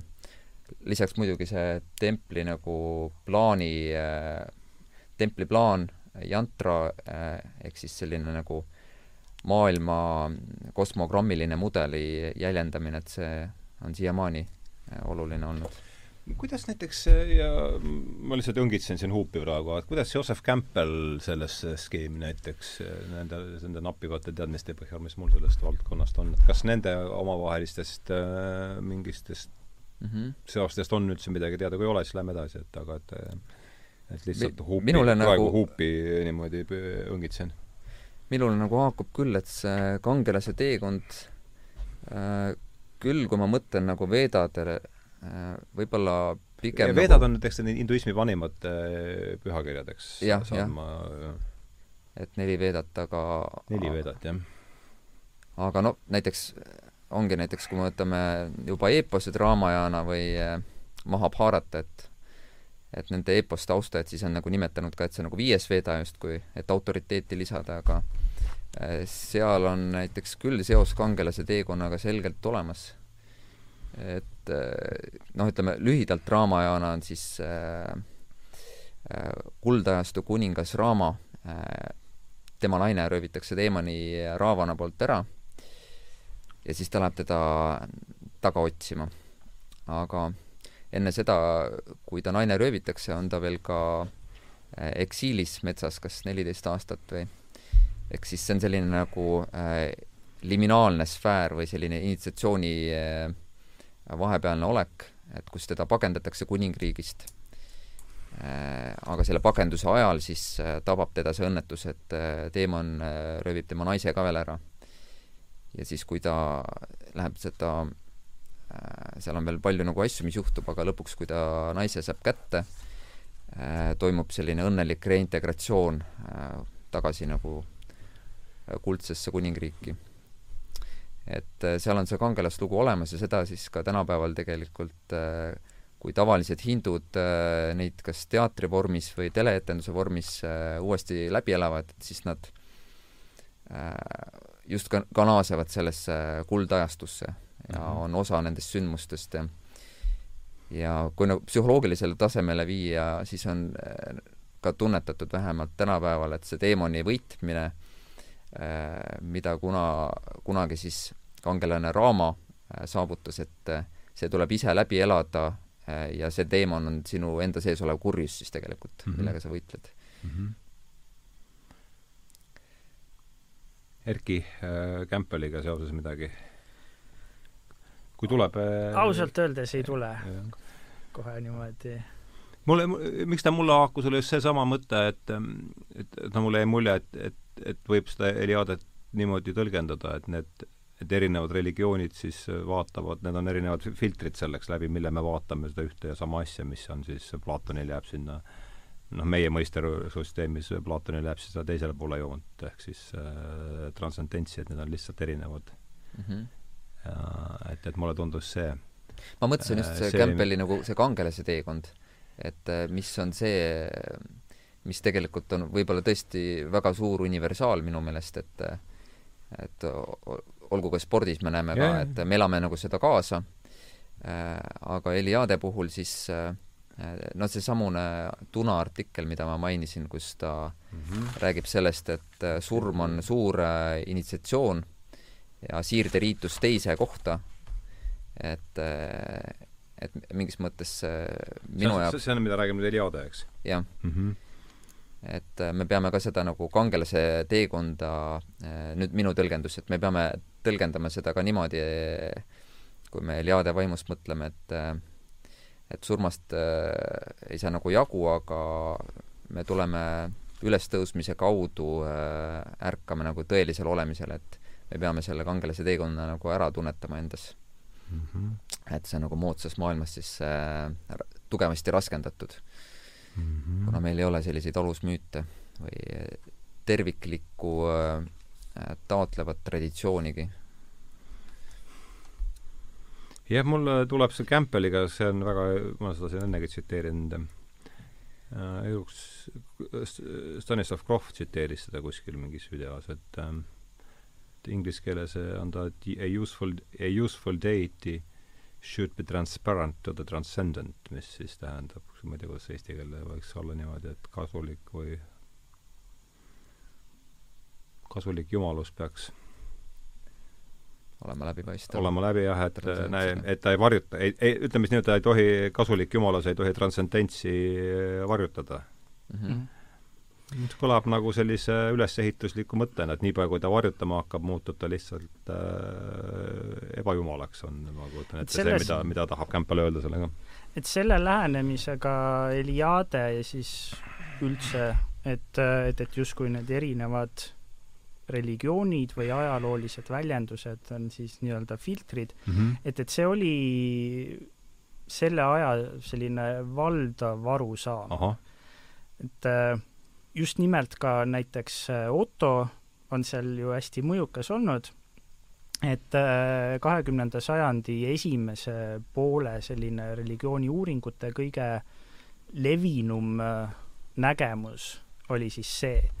seesama filtrite lugu või? jah mis ongi osaliselt siis seotud ka sellega, et kuidagi oli vaja ka õigustada üldse sellise teaduse tegemist äh, ajal, kui äh, äh, ühiskond oli veel hästi tugevalt äh, kirikuga seotud, et, et miks näiteks teisi religioone uurida mm. -hmm. et, et seal on äh, äh, ka selline tagamõte võib-olla ei ole õige sõna, sellepärast et äh, et, et, et see oli nagu selline aus, aus arusaam, aga, aga ühesõnaga jah, et kahekümnenda sajandi esimesel poolel selline valdav arusaam, et, et kui, kui hakati rohkem ja põhjalikumalt äh, neid teisi religioone uurima.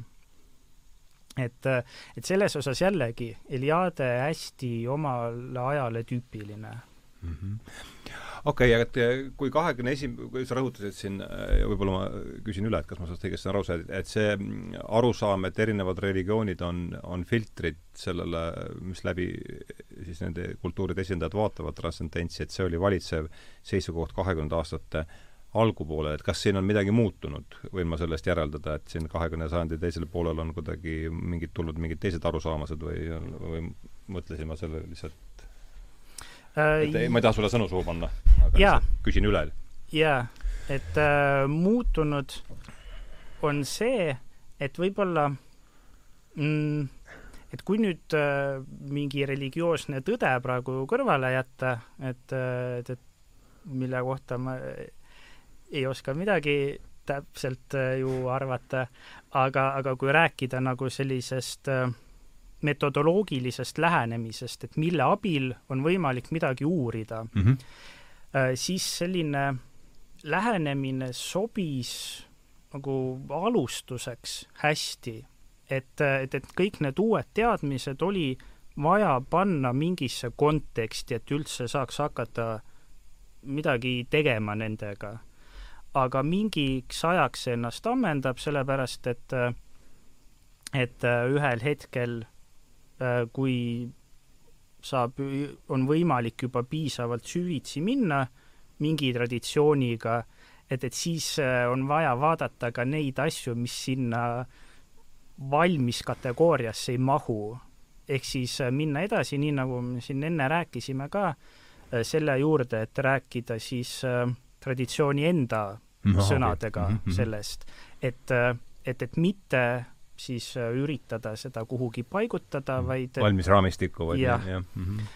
aga, aga tõesti, et, et ühtepidi on hästi lihtne kritiseerida seda lähenemist, aga, aga teistpidi mulle tundub, et, et see oli nagu hästi vajalik selleks, et, et see algus teha mm. -hmm. et, et seda ja. raamistikku luua ja neid seoseid luua. et põhimõtteliselt, kas ma nüüd kontrollin, et ma õigesti aru saan, et Eliade läks oma valmis raamistikuga ja vaatas erinevatest kultuuridest neid tõsiasju, et kuidas need tema sellesse mudelisse sobituvad. põhimõtteliselt küll, jah. Mm -hmm.. võib-olla üks, üks näide, mis mul tuli meelde, et selles samas raamatus ka, et äh, mis näitab, et ta justkui kasutab äh, äh, sanskriti sõnast jutt on praegu kala nimelisest äh, äh, mõistest, et ühelt poolt äh, ühelt poolt on see kala aeg ja teiselt poolt on ta, tähistab ka musta ja see, kuidas tema nagu oma raamistikku selle mõiste nüüd projitseerib, on see, et äh, must ja määrdunud, et see on nagu äh, ehk siis aeg ongi see, mis on nagu äh, määrdunud räpane ja see on see, mida tuleb ületada selles päris asjade juurde jõudmises mm. -hmm. et see on nagu üks näide võib-olla, mis võib olla justkui näide kriitikast, et kuidas Eliade mõtlemine võib olla nagu väga tema enda teooriast äh, valgustatud võib-olla liiga palju siis, jah. no mulle tundub seda kõike seda juttu kuulates ja, ja, ja hakkab mingi poolteist tundi täis saama, et mingi poole tunniga oleme siin finišist poole tunni kaugusel, et kuidagi seda summeerima hakata, seda asja, et see aktsioom või see, milles ta ei kahtle, ja veel kord, see on see, millest mina olen tulnud, võtnud üles noppinud teie jutust ja, ja kui ma olen valesti aru, aru saanud, palun parandage mind, ta ei kahtle selles, et see transcendentne sfäär on olemas. seda, seda ta võtab äh, ikkagi ette antuna, erinevalt siis meie ja see, see ongi ilmselt see, mis on nüüd muutunud kahekümne sajandi teises pooles, et et sellise, seesuguse entusiasmiga nagu sellele materjalile võrdlevas usundiloos peale lennata, et see on kohe nagu, saab märgi külge, tänapäeval keegi nii julge enam ei ole. kui, kui ma niimoodi võin praegu öelda, et mulle tundub, et et seda peetakse pahaks. kuigi tal on ka Chicagos ju oma suur koolkond endiselt olemas, Vendi Tooniger on üks kuulsamatest. kuidas on nimi? Vendi Tooniger on üks Vendi tema troonipärija seal, õppetoolipärija siis Chicagos, kes siiani elus ja.? jah. ja tema tegelikult on nagu pigem võib öelda, et Jungi teed läinud, et tema äh, armastab ka samamoodi neid lugusid nagu Eliadegi, aga äh, ta toob nagu selle äh, psühhoanalüütilise poole kõvasti äh, pilti. aga kui sellest Eliade nii-öelda koolkonnast rääkida ja tõesti ta pani aluse koolkonnale, põhimõtteliselt ta pani aluse religiooni uurimisele Ühendriikides, et äh, mis nagu tema kasuks räägib, on see, et äh, ükski tema õpilastest, kuigi nad saab rääkida koolkonnast, ei ole nagu eliadist selles mhm. mõttes mm, -hmm. et igalühel on neil oma lähenemine Äh, paljud siis äh, tagantjärele on ka Eliadega sellises dialoogis või vaidluses olnud, aga, aga minu meelest just see näitab nagu seda tema tugevust, et, et ta suutis nagu sellise iseseisvalt mõtlevate uurijate koolkonna luua. et ükski neist jah, see Vendi Toniga kõige rohkem, aga ükski neist otseselt ei nõustu kõigega, mida Eliade kirjutas mm. -hmm.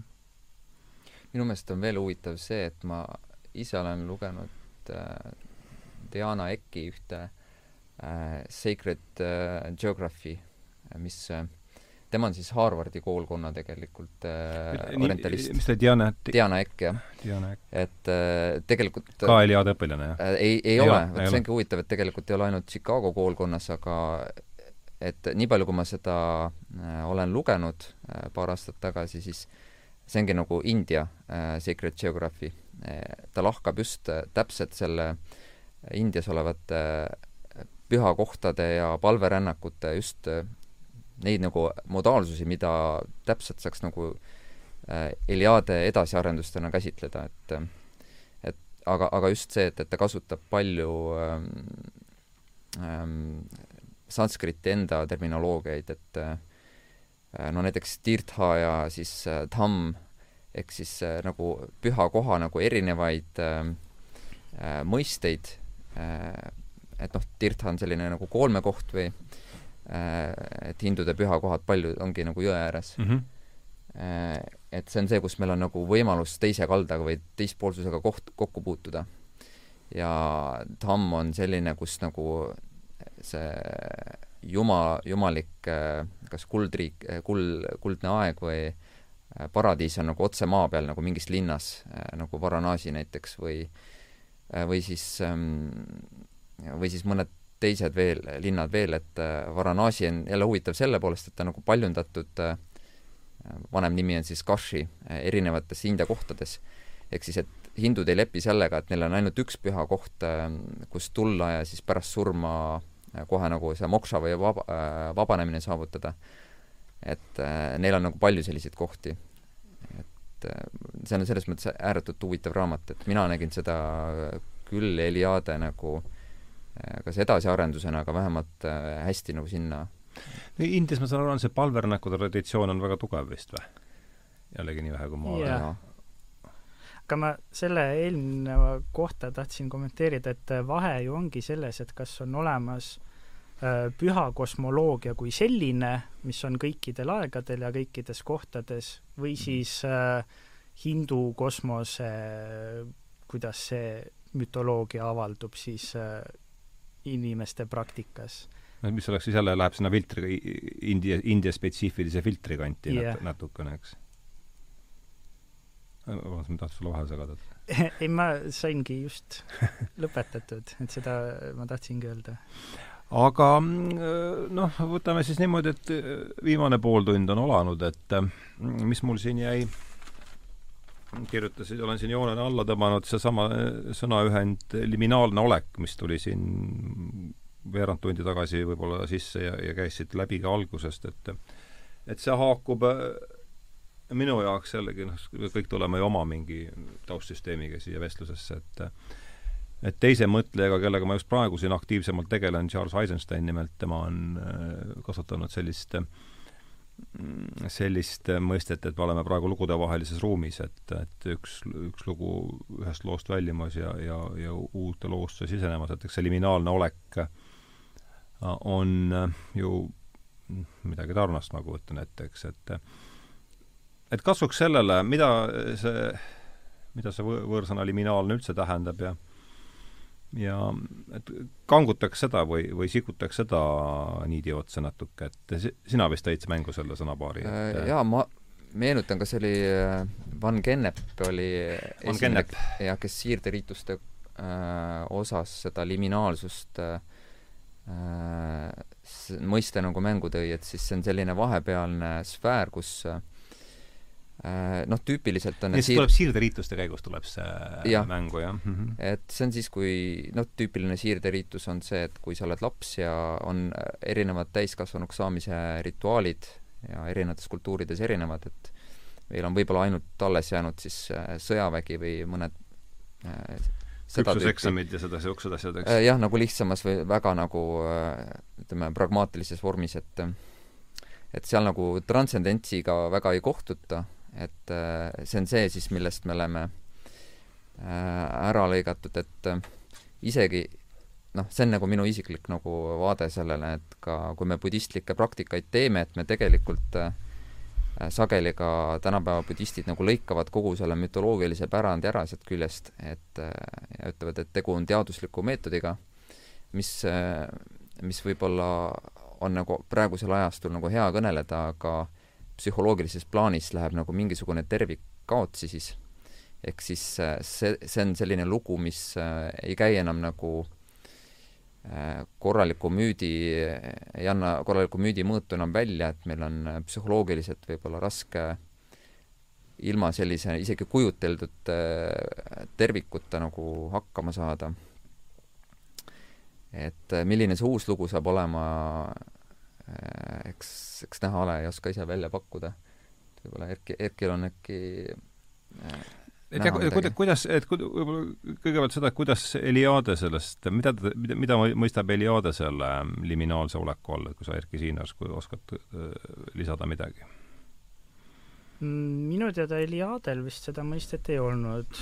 et, et see on jah, antropoloogiast pärit mõiste, mis tähendab siis selle rituaali toimimise ühte faasi või siis erinevate faaside vahelist aega mm, -hmm. mis mhm. siis ongi siis selline vahepealne aeg, koht, kus äh, mingid äh, reeglid ei, ei toimi ja mida siis äh, on avastatud või vaadatud või tõlgendatud, et paljude rituaalide puhul on see ka võib-olla kõige peamiseks asjaks saanud, et on mingi aeg, kus äh, mingid äh, ühiskonna normid ei kehti või midagi sellist. aga Eliadel pigem ta keskendus ikkagi nagu sellele dualismile, mitte sellele dualismile, jah. et, et mit, mitte sellele vahepealsele olekule. kuigi tal on need jah, liminaalsus ei ole nagu tema teema otseselt, aga see kui me korra puudutasime seda vett või veemüto hierofaaniat, et siis see on nagu see, mis on, võimaldab seda vaheolekut, mis äh, sulatab meid nagu eelmisest äh, rollist või staatusest lahti, et pea kasvat-, kastetakse ristimiseks vette mm -hmm. ja sümboolselt tõustakse nagu äh, uude olemisse või no seal on mingi, mingid hüpoteesid on ju veel ka see, et alguses hoiti, hoitigi pead nii kaua vee all, kui tekkis surmalähedane kogemus, et seda olen mm -hmm. mina mhm. lugenud ja kes, ega meil siin selle kohta ju mingit Statistikaameti tõendeid niikuinii pole kuskilt võtta praegu, et et see on, ei kõla, ei kõla ka väga ebausutavalt, aga vabandust. jah, üks lugu, mida Eliade ise on rääkinud, et äh, mingi no näiteks Joonase lugu või vaal või mingisugune veeolend neelab su alla, sa mm -hmm. oled tema sisikonnas ja sind äh, seeditakse tükkideks ja noh, see on juba natuke šamanismi poole läheb, et äh, tükkidest pannakse sind hiljem siis nagu kokku ja sa oled nagu uus äh,, uus olend nagu ja ja sul on võimalik, seeläbi ainult ongi sul võimalik uus olemisviis, et äh, see, mida kristlased palju teinekord rõhutavad, et on oluline see konkreetne pöördumine või mm -hmm. et ei saa nagu kuidagi vaikselt nagu pusida selle piibli kallale, et siis nagu, et see peab olema konkreetne initsiatiivne hetk või riit, rituaal.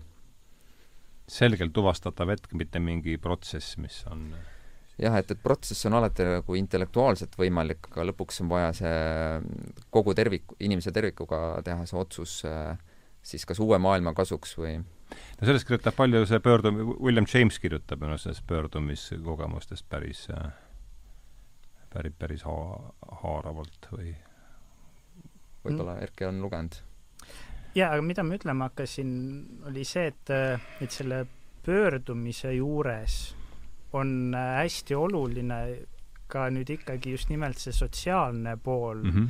mida Eliade põhimõtteliselt äh, väldib, võib-olla tõesti teadlikult väldib, ehk siis äh, et äh, et ei loe see, kas inimene ise oma peas arvab, et, et ta nüüd on pöördunud, vaid ikkagi see, kas ka teised, kas kogudus teda tunnistab, kuidas ta seda teada annab ja need on kõik nagu sellised religiooni osad, millest Eliade väga ei räägi, et tema räägib siis ainult just nimelt sellest isiklikust mm -hmm.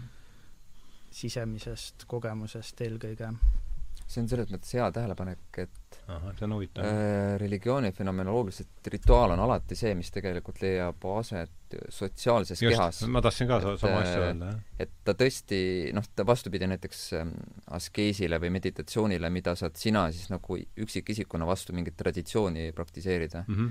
aga rituaal peab alati pühitsema ikkagi eeldab nagu..., eks ole ju ko-, mingit ja, kooslust. jah, kas ka, kogukonda ka askees eeldab, et äh, et as-, Geesi praktikad on ikkagi ka sotsiaalsed, et, et need on need praktikad, mis siis erinevad sellest, mida, mida nagu üldiselt ühiskonnas tehakse. ja seal mm. on ka ikkagi oluline see, et, et teised teaksid, et askeet mm -hmm. on ikkagi see, kelle kohta teised teavad, et ta on askeet mm. -hmm. millega ta siis, et see on nagu selline omamoodi kindel suhe siis ka selle üksikinimese ja kogukonna vahel. et selle kohta hästi äh, hea näide on, on see, et, et kui vaadata äh, keskaegseid ja renessansiaegseid äh, äh, pühakute kujutamisi mm -hmm. maalil, et, et kui nad on kuskil koopas või, või kuskil erakuna, siis alati taustal on äh, linn näha, et, et see side on, on ka nende Aha. individuaalsete praktikate puhul hästi oluline no,. et see sotsiaalne moment on ikka kusagil taamal nagu ära visandatud või? jaa. et kui mm., kui inimene elab ma ei tea, üksikul saarel ja nälgib, siis ta ei ole askeet, siis ta on üksikul saarel ja nälgib. okei okay,, see on huvitav moment, jah. jaa, aga nüüd, et see asi ei jääks ka li-, mingil määral siduda selle õues toimuvaga, kogu see lugu, et ja me räägime siin sellest liminaalsest olekust ja ja see üks lausejupp, mis ma siit vestluse algusest üles noppisin, et äh, Eliade ütleb, jäi mul vähemasti niisugune mulje, et ta ütleb, et meil on see, meie kultuuril on oma suhe surmaga läbi äh, mõtle, mõtlemata ja ja, ja noh, siin on väidetud ka selle viimase aasta episoodi kohta, et see on üks sisenemine mingisse liminaalsesse olekusse ja siin ähm, mm, ja kusjuures jah, ma nüüd katkestasin, aga mul lihtsalt tuli kohe meelde, oligi ju Viivi Luigel oli täpselt peaaegu äh, eelmise aasta lõpus, et äh, et inimesel peab, inimene peab kõigepealt tegema endale selgeks suhte surmaga. jah, see Postimehe suurepärane, suurepärane intervjuu, jah. jah, selle Eliade selle konkreetse esseega nagu väga hästi ka minu jaoks äh, millisest esseest sa räägid, sellest Unavas äh, religioosne sümbolism ja, ja, ja just, jah. E, just sellest, jah. et äh, et minu, minu meelest on nagu seosed väga tugevad, ma ei tea, kas sellega saab midagi konkreetset ette võtta aga et ühesõnaga, kes annaks meile sellise nagu äh, teispoolsuse raamistiku, mida kohe kasutada või kasutusjuhendi hmm., et äh, seda uut lugu naljalt ei tekita, kui äh, kui kogu ümbritsev noh, ütleme, Eliade ajastul ei olnud veel tehnoloogiline uuendus mis inimesi nagu noh, et inimesed väga ei seadista enam masinaid, vaid masinad seadistavad meid et äh, sellest on võib-olla isegi, oleks huvitav teada saada, et mida Eliade oleks sellest arvanud. aga no ma ta-, ma tahan muidugi natuke tõrjuda seda veel pakilisemat teemat, mis meil on, aga aga ma arvan, et äh, need on omavahel seotud, sest et äh, et oma terviklikku sisemaailma on päris raske üles ehitada niimoodi, et kui parim, mis meil on nagu antud mõelda, ongi kas koroonast või, või muud väga pakilised uudise, uudised, mida nagu kerida ringi. et siis on väga raske tekkima üldse nagu tahtmine sellise tervikliku et noh, saad aru küll, et oled katki, aga et ähm, tervikut ei saa nagu ju paari minutiga kätte kuskilt. et jah äh, jah, et oleks huvitav teada, mida Erki arvab mm. Ma jäin mõtlema veel kord selle kahekümnenda sajandi ajaloo peale, et et mis Eliadel ju hästi tugevalt oli, oli ikkagi see Teise maailmasõja trauma mm -hmm. ja ja et, et see selline vaimsuse otsimine, mis siis Äh, kuuekümnendatel hästi tugevalt tuli, mis, mis nagu Eliades sellise ka tänuväärse allika leidis, millest ammutada, et, et, et see tundub mulle nagu võrreldava asjana ja et äh, Eliade nüüd see on mu interpretatsioon, et ma loomulikult mm. ei tea täpselt aga mulle tundub, et ta üritas ikkagi luua siis sellist äh, terviklikku mõttesüsteemi, mis sobiks tänapäeva inimestele, et see vastab siis ka sellele äh, paigutisele mitteteaduslikkuse kriitikale, et ta just nimelt nägigi siis seda teaduslikku uurimist vahendina selleks, et, et, et leida ja pakkuda vastuseid siis sellistele eksistentsiaalsetele küsimustele ja ta ise üritas siis luua mingit süsteemi, mis võiks neid vastuseid pakkuda siis kahekümnenda sajandi inimesele nojah, see vastuväide tundub ju järjest korduvalt, et ühest küljest me justkui saame aru, et sellele teaduslikule maailmapildile kõrvale on midagi vaja veel, sest me üksi sellega ei tule toime, aga niipea, kui keegi selle pildiga lagatada tuleb, saab ta kohe nahutada sellest, et see, millega ta lagadale ei tule, see, millega ta lagadale tuli, ei ole teaduslik. kuigi mm -hmm. sellest hakkas ju kogu asi pihta, et -hmm. noh, kuidagi tundub täielik niisugune nõiaring minu jaoks. et, et noh, milles see probleem Meliadel on, ongi see, et et, et ta ise väidab, et see on teaduslik, et, et kui nagu ise sellise väitega välja tulla, siis on lihtne vaadata, et, et, et kas on või mitte. aga, aga jah, et tal asjakohane. tulekski minu arvates äh, nagu lahutada need kaks asja. et, et see selline teaduslik uurimus mm, -hmm. siis selline andmete kogumine ja tõlgendamine ja siis selline isiklik filosoofia, maailmapilt, et, et,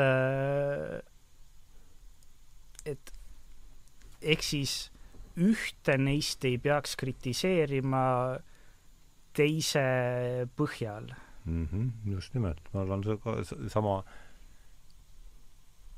aga jällegi põhjus, miks ta ennast esitab teadlasena, on tõenäoliselt see, et ja et ja ainult, ainult see, kuhu saab kirjutada teadlasse, on tõsiseltvõetav, et kui ei ole, kui ei ole kusagil teadlase kummitemplit all, siis sest mm, ei pööra tähelepanu sellele tänapäeval keegi tähelepanu. selles osas nad ka Jungiga vahetasid tundub mõtteid. mulle niisugune minu isiklik tõlgendus. Äh, nad olid Jungiga mõlemal, mõlemad olid selles osas ühel nõul, et äh, tolle aja teadlased kippusid olema tegelikult äh, väga uudishimutud mm -hmm. Nagu isiklikus mõttes äh,, aga ma olen nõus sellega, mis Erki ütles jah, et et tuleks nagu lahus hoida, et see, mis on nagu Eliade enda uuringute äh, käigus paljastatud või need struktuurid, millele tema jõudis, et need ei ole see äh, nagu see püsiväärtus äh, et nii, nagu Freiser ütles enda kohta, et minu materjal ja need äh, jumala surma teooriad, mis tal olid, need on kõik spekulatsioonid, et äh, need on lihtsalt sisend järgmistele uurijatele.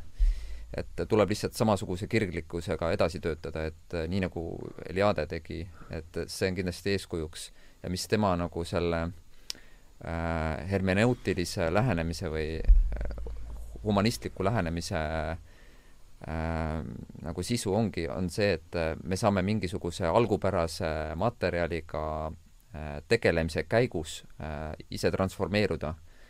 ja see, mis me nagu enda jaoks lagedale toome ja loome struktuuri, et äh, see ei pruugi olla nagu igikestev. et minu meelest Eliade ka nagu ei tahtnud kivisse raiuda enda seda nii-öelda püha morfoloogilist struktuuri mm. -hmm aga see oli see, milleni ta oli suuteline oma äh, kogemuse või siis äh, pärimustega tegelemise kaudu jõudma. Äh, jällegi üritades siin nüüd kokku võtta seda, mis ma olen kuulnud ja seda oma mingisse mõistelisse raamistikku paigutada, mulle tundub, et see, kui me võtame, et ühelt poolt äh, tänapäeval niisugune peavooluteadus et see on ka varjatult ikkagi platonistlik, sest see arusaam seal taga on, et see, mida me näeme, see ei ole ka, et see ei ole päris reaalne, et selle taga on mingi matemaatiline reaalsus, mida me saame siis, eks, et selle, see põhimõtteliselt niisugune pütagoorlik, pütagoorlik äh, kosmogoonia seal taga, et maailm koosneb arvudest ja see tegelik reaalsus, mis asub mm -hmm. selle kogemusvälise taga, on ikkagi matemaatiline reaalsus ja, ja see oletus, et kõik on mõõdetav, kuigi noh, Iliade. Et ikkagi see Platoni joon, mis jagab sealpoolsuse ja siinpoolsuse, on ka just olemas ja täiesti niisugune noh, see, mida praegu esitan, ainult minu tõlgendus, et see on ka tänapäeva teaduses olemas, aga ja see on ka Eliadel olemas, aga see te teispoolsus näeb Eliadel välja sootuks teistsugune kui mm -hmm. kui, kui siis äh, see tänapäeva teaduse poole, et ma ei tea, kas äh, saad, sa olete valmis haakuma selle mõttega, oli see üldse jälgitav? Et kultuuriteadustes äh, ongi olnud, et, et seda pärast Eliade aega, et see aeg ongi siis üritatud natukene sellest äh, platonistlikust korrast nagu lahti saada, et äh, et tõesti, et Eliade arusaam teadusest on selline siis äh, samal ajal hästi mõjukas äh, antropoloogias Claude Levi-Strauss oma, oma strukturalismiga, et need kõik olid nagu sellise lähenemisega, aga et siis seitsme-kaheksakümnendatest siis on üritatud nagu, nagu sellest, sellest lahti haakuda ja just nimelt äh, selle ütle palun, millest veel lahti haakuda? Äh, sellisest arusaamast, et platonistlikust jah, mhm. et, äh, et, et mingi, mingi reaalsem reaalsus on, on selle kogetava reaalsuse taga mm. -hmm. ja niimoodi siis äh, need kultuuriteadused üritavadki siis keskenduda sellele äh, mida on näha, mida on kuulda, mida räägitakse, millised äh, lood on, äh, milline on inimeste reaalne kogemus, mitte muuta nagu seda inimeste mitte kaotada seda indiviidi sealt inimkogemusest ära ja otsida siis mingit sellist äh, eraldiseisvat äh, reaalsust seal taga. see oleks nagu pöörde Aristotelese poole jälle, kui me selles äh, Vana-Kreeka raamistikus äh, seda äh, vaataksime, mis on muidugi ainult üks võimalus seda, seda teha, aga võim-. Äh, kui mina näiteks üritan Eliade silmadega uuesti India poole vaadata, siis ja mõelda sellele, et kaasaja teaduse äh, Äh, ütleme, viimne reaalsus oleks nagu matemaatiline, siis äh, ütleme, hindude ühe kosmogoonilise nägemuse põhjal on kõige primaarsem siis see kosmiline vibratsioon või mm -hmm. ommist tulenev ja erinevate mantrade kaudu siis maailmaks hargnev selline ürgvõnge sisuliselt. jah, ürgvõnge ja siis ütleme, see, mis on nüüd juba jantrana fikseeritud nii-öelda joonistusena või äh, et äh, see on nagu juba teisesem, et primaarsem on see, et on äh, ürgne vibratsioon, mida me võime ka nimetada kas äh, brahmaniks või kuidas iganes, aga et see, mis tekitab need vormid, sellele eelneb siis nagu mingisugune vibratsiooniline aluspõhi. no see olemise, olemise põhi. jah, olemise põhi, et, et me võime ma ei tea, kas matemaatika päris niimoodi, et ma-, matemaatika võimaldab ka mõelda asjadest, mida kuidagi päriselt ei ole olemas, aga mm -hmm.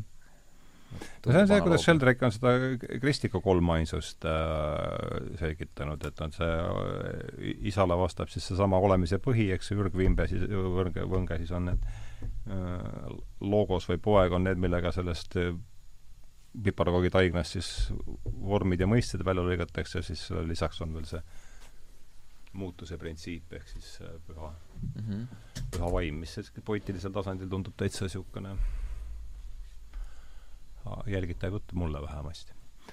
aga me oleme nüüd hakanud siin siis, ähm, ongi juba jah, seltskonnas äh, olen tähele pannud, möödub aeg kiiresti ja kaks tundi peaaegu läinud, et äh, tõmbame siis selle jutu kuidagi koomale, et mul on viimane küsimus, et äh, sellele me juba vastasime, et mis äh, võiks olla see esimene raamat, millest äh, kust pikka asi pihta hakata, aga miks üldse te ilmselgelt tema vastu huviti, huvi tunnete, et miks, kui nüüd peaks lühidalt kokku võtma raadiokuulajad, miks Eliadega vastu tasuks huvi tunda, siis kuidas te sellele vastaksite? Neid põhjuseid on mitmeid et äh, üks on see, et äh, oma nendes süstemaatilistes töödes on hästi palju andmeid kirjeldatud, ehk siis äh, kes tahab erinevate müütide kohta, erinevate ideede kohta, mis maailmas on, natukene teada, siis miks mitte, et puhtalt faktoloogiline materjal, jah? jaa et, äh, et on kindlasti selline põnev lugemine. aga mis seda veel põnevamaks teeb, on siis ikkagi see Eliade isiklik äh,, isiklik maailmapilt, et ta on lihtsalt hästi huvitav mõtleja. ja kindlasti ka hästi karismaatiline, et, äh, et äh, jah, ma ei teagi, kuidas, kuidas seda nüüd sõnastada, et, et ta kirjutas oma raamatuid niimoodi, et need inimestele midagi pakuksid ja, ja et, et neid oleks huvitav lugeda. tundub, et see läks tal korda? jaa, et, et see tema menu ja järgijaskond või noh, järgijaskond ei ole tegelikult õige sõna, aga, aga tema menu oli suur ja tal õnnestuski äh, siis see, mis muidu oleks olnud akadeemia piirides mingid arutelud, viia need ikkagi äh, laiema publiku ette. See on suur, suur asi.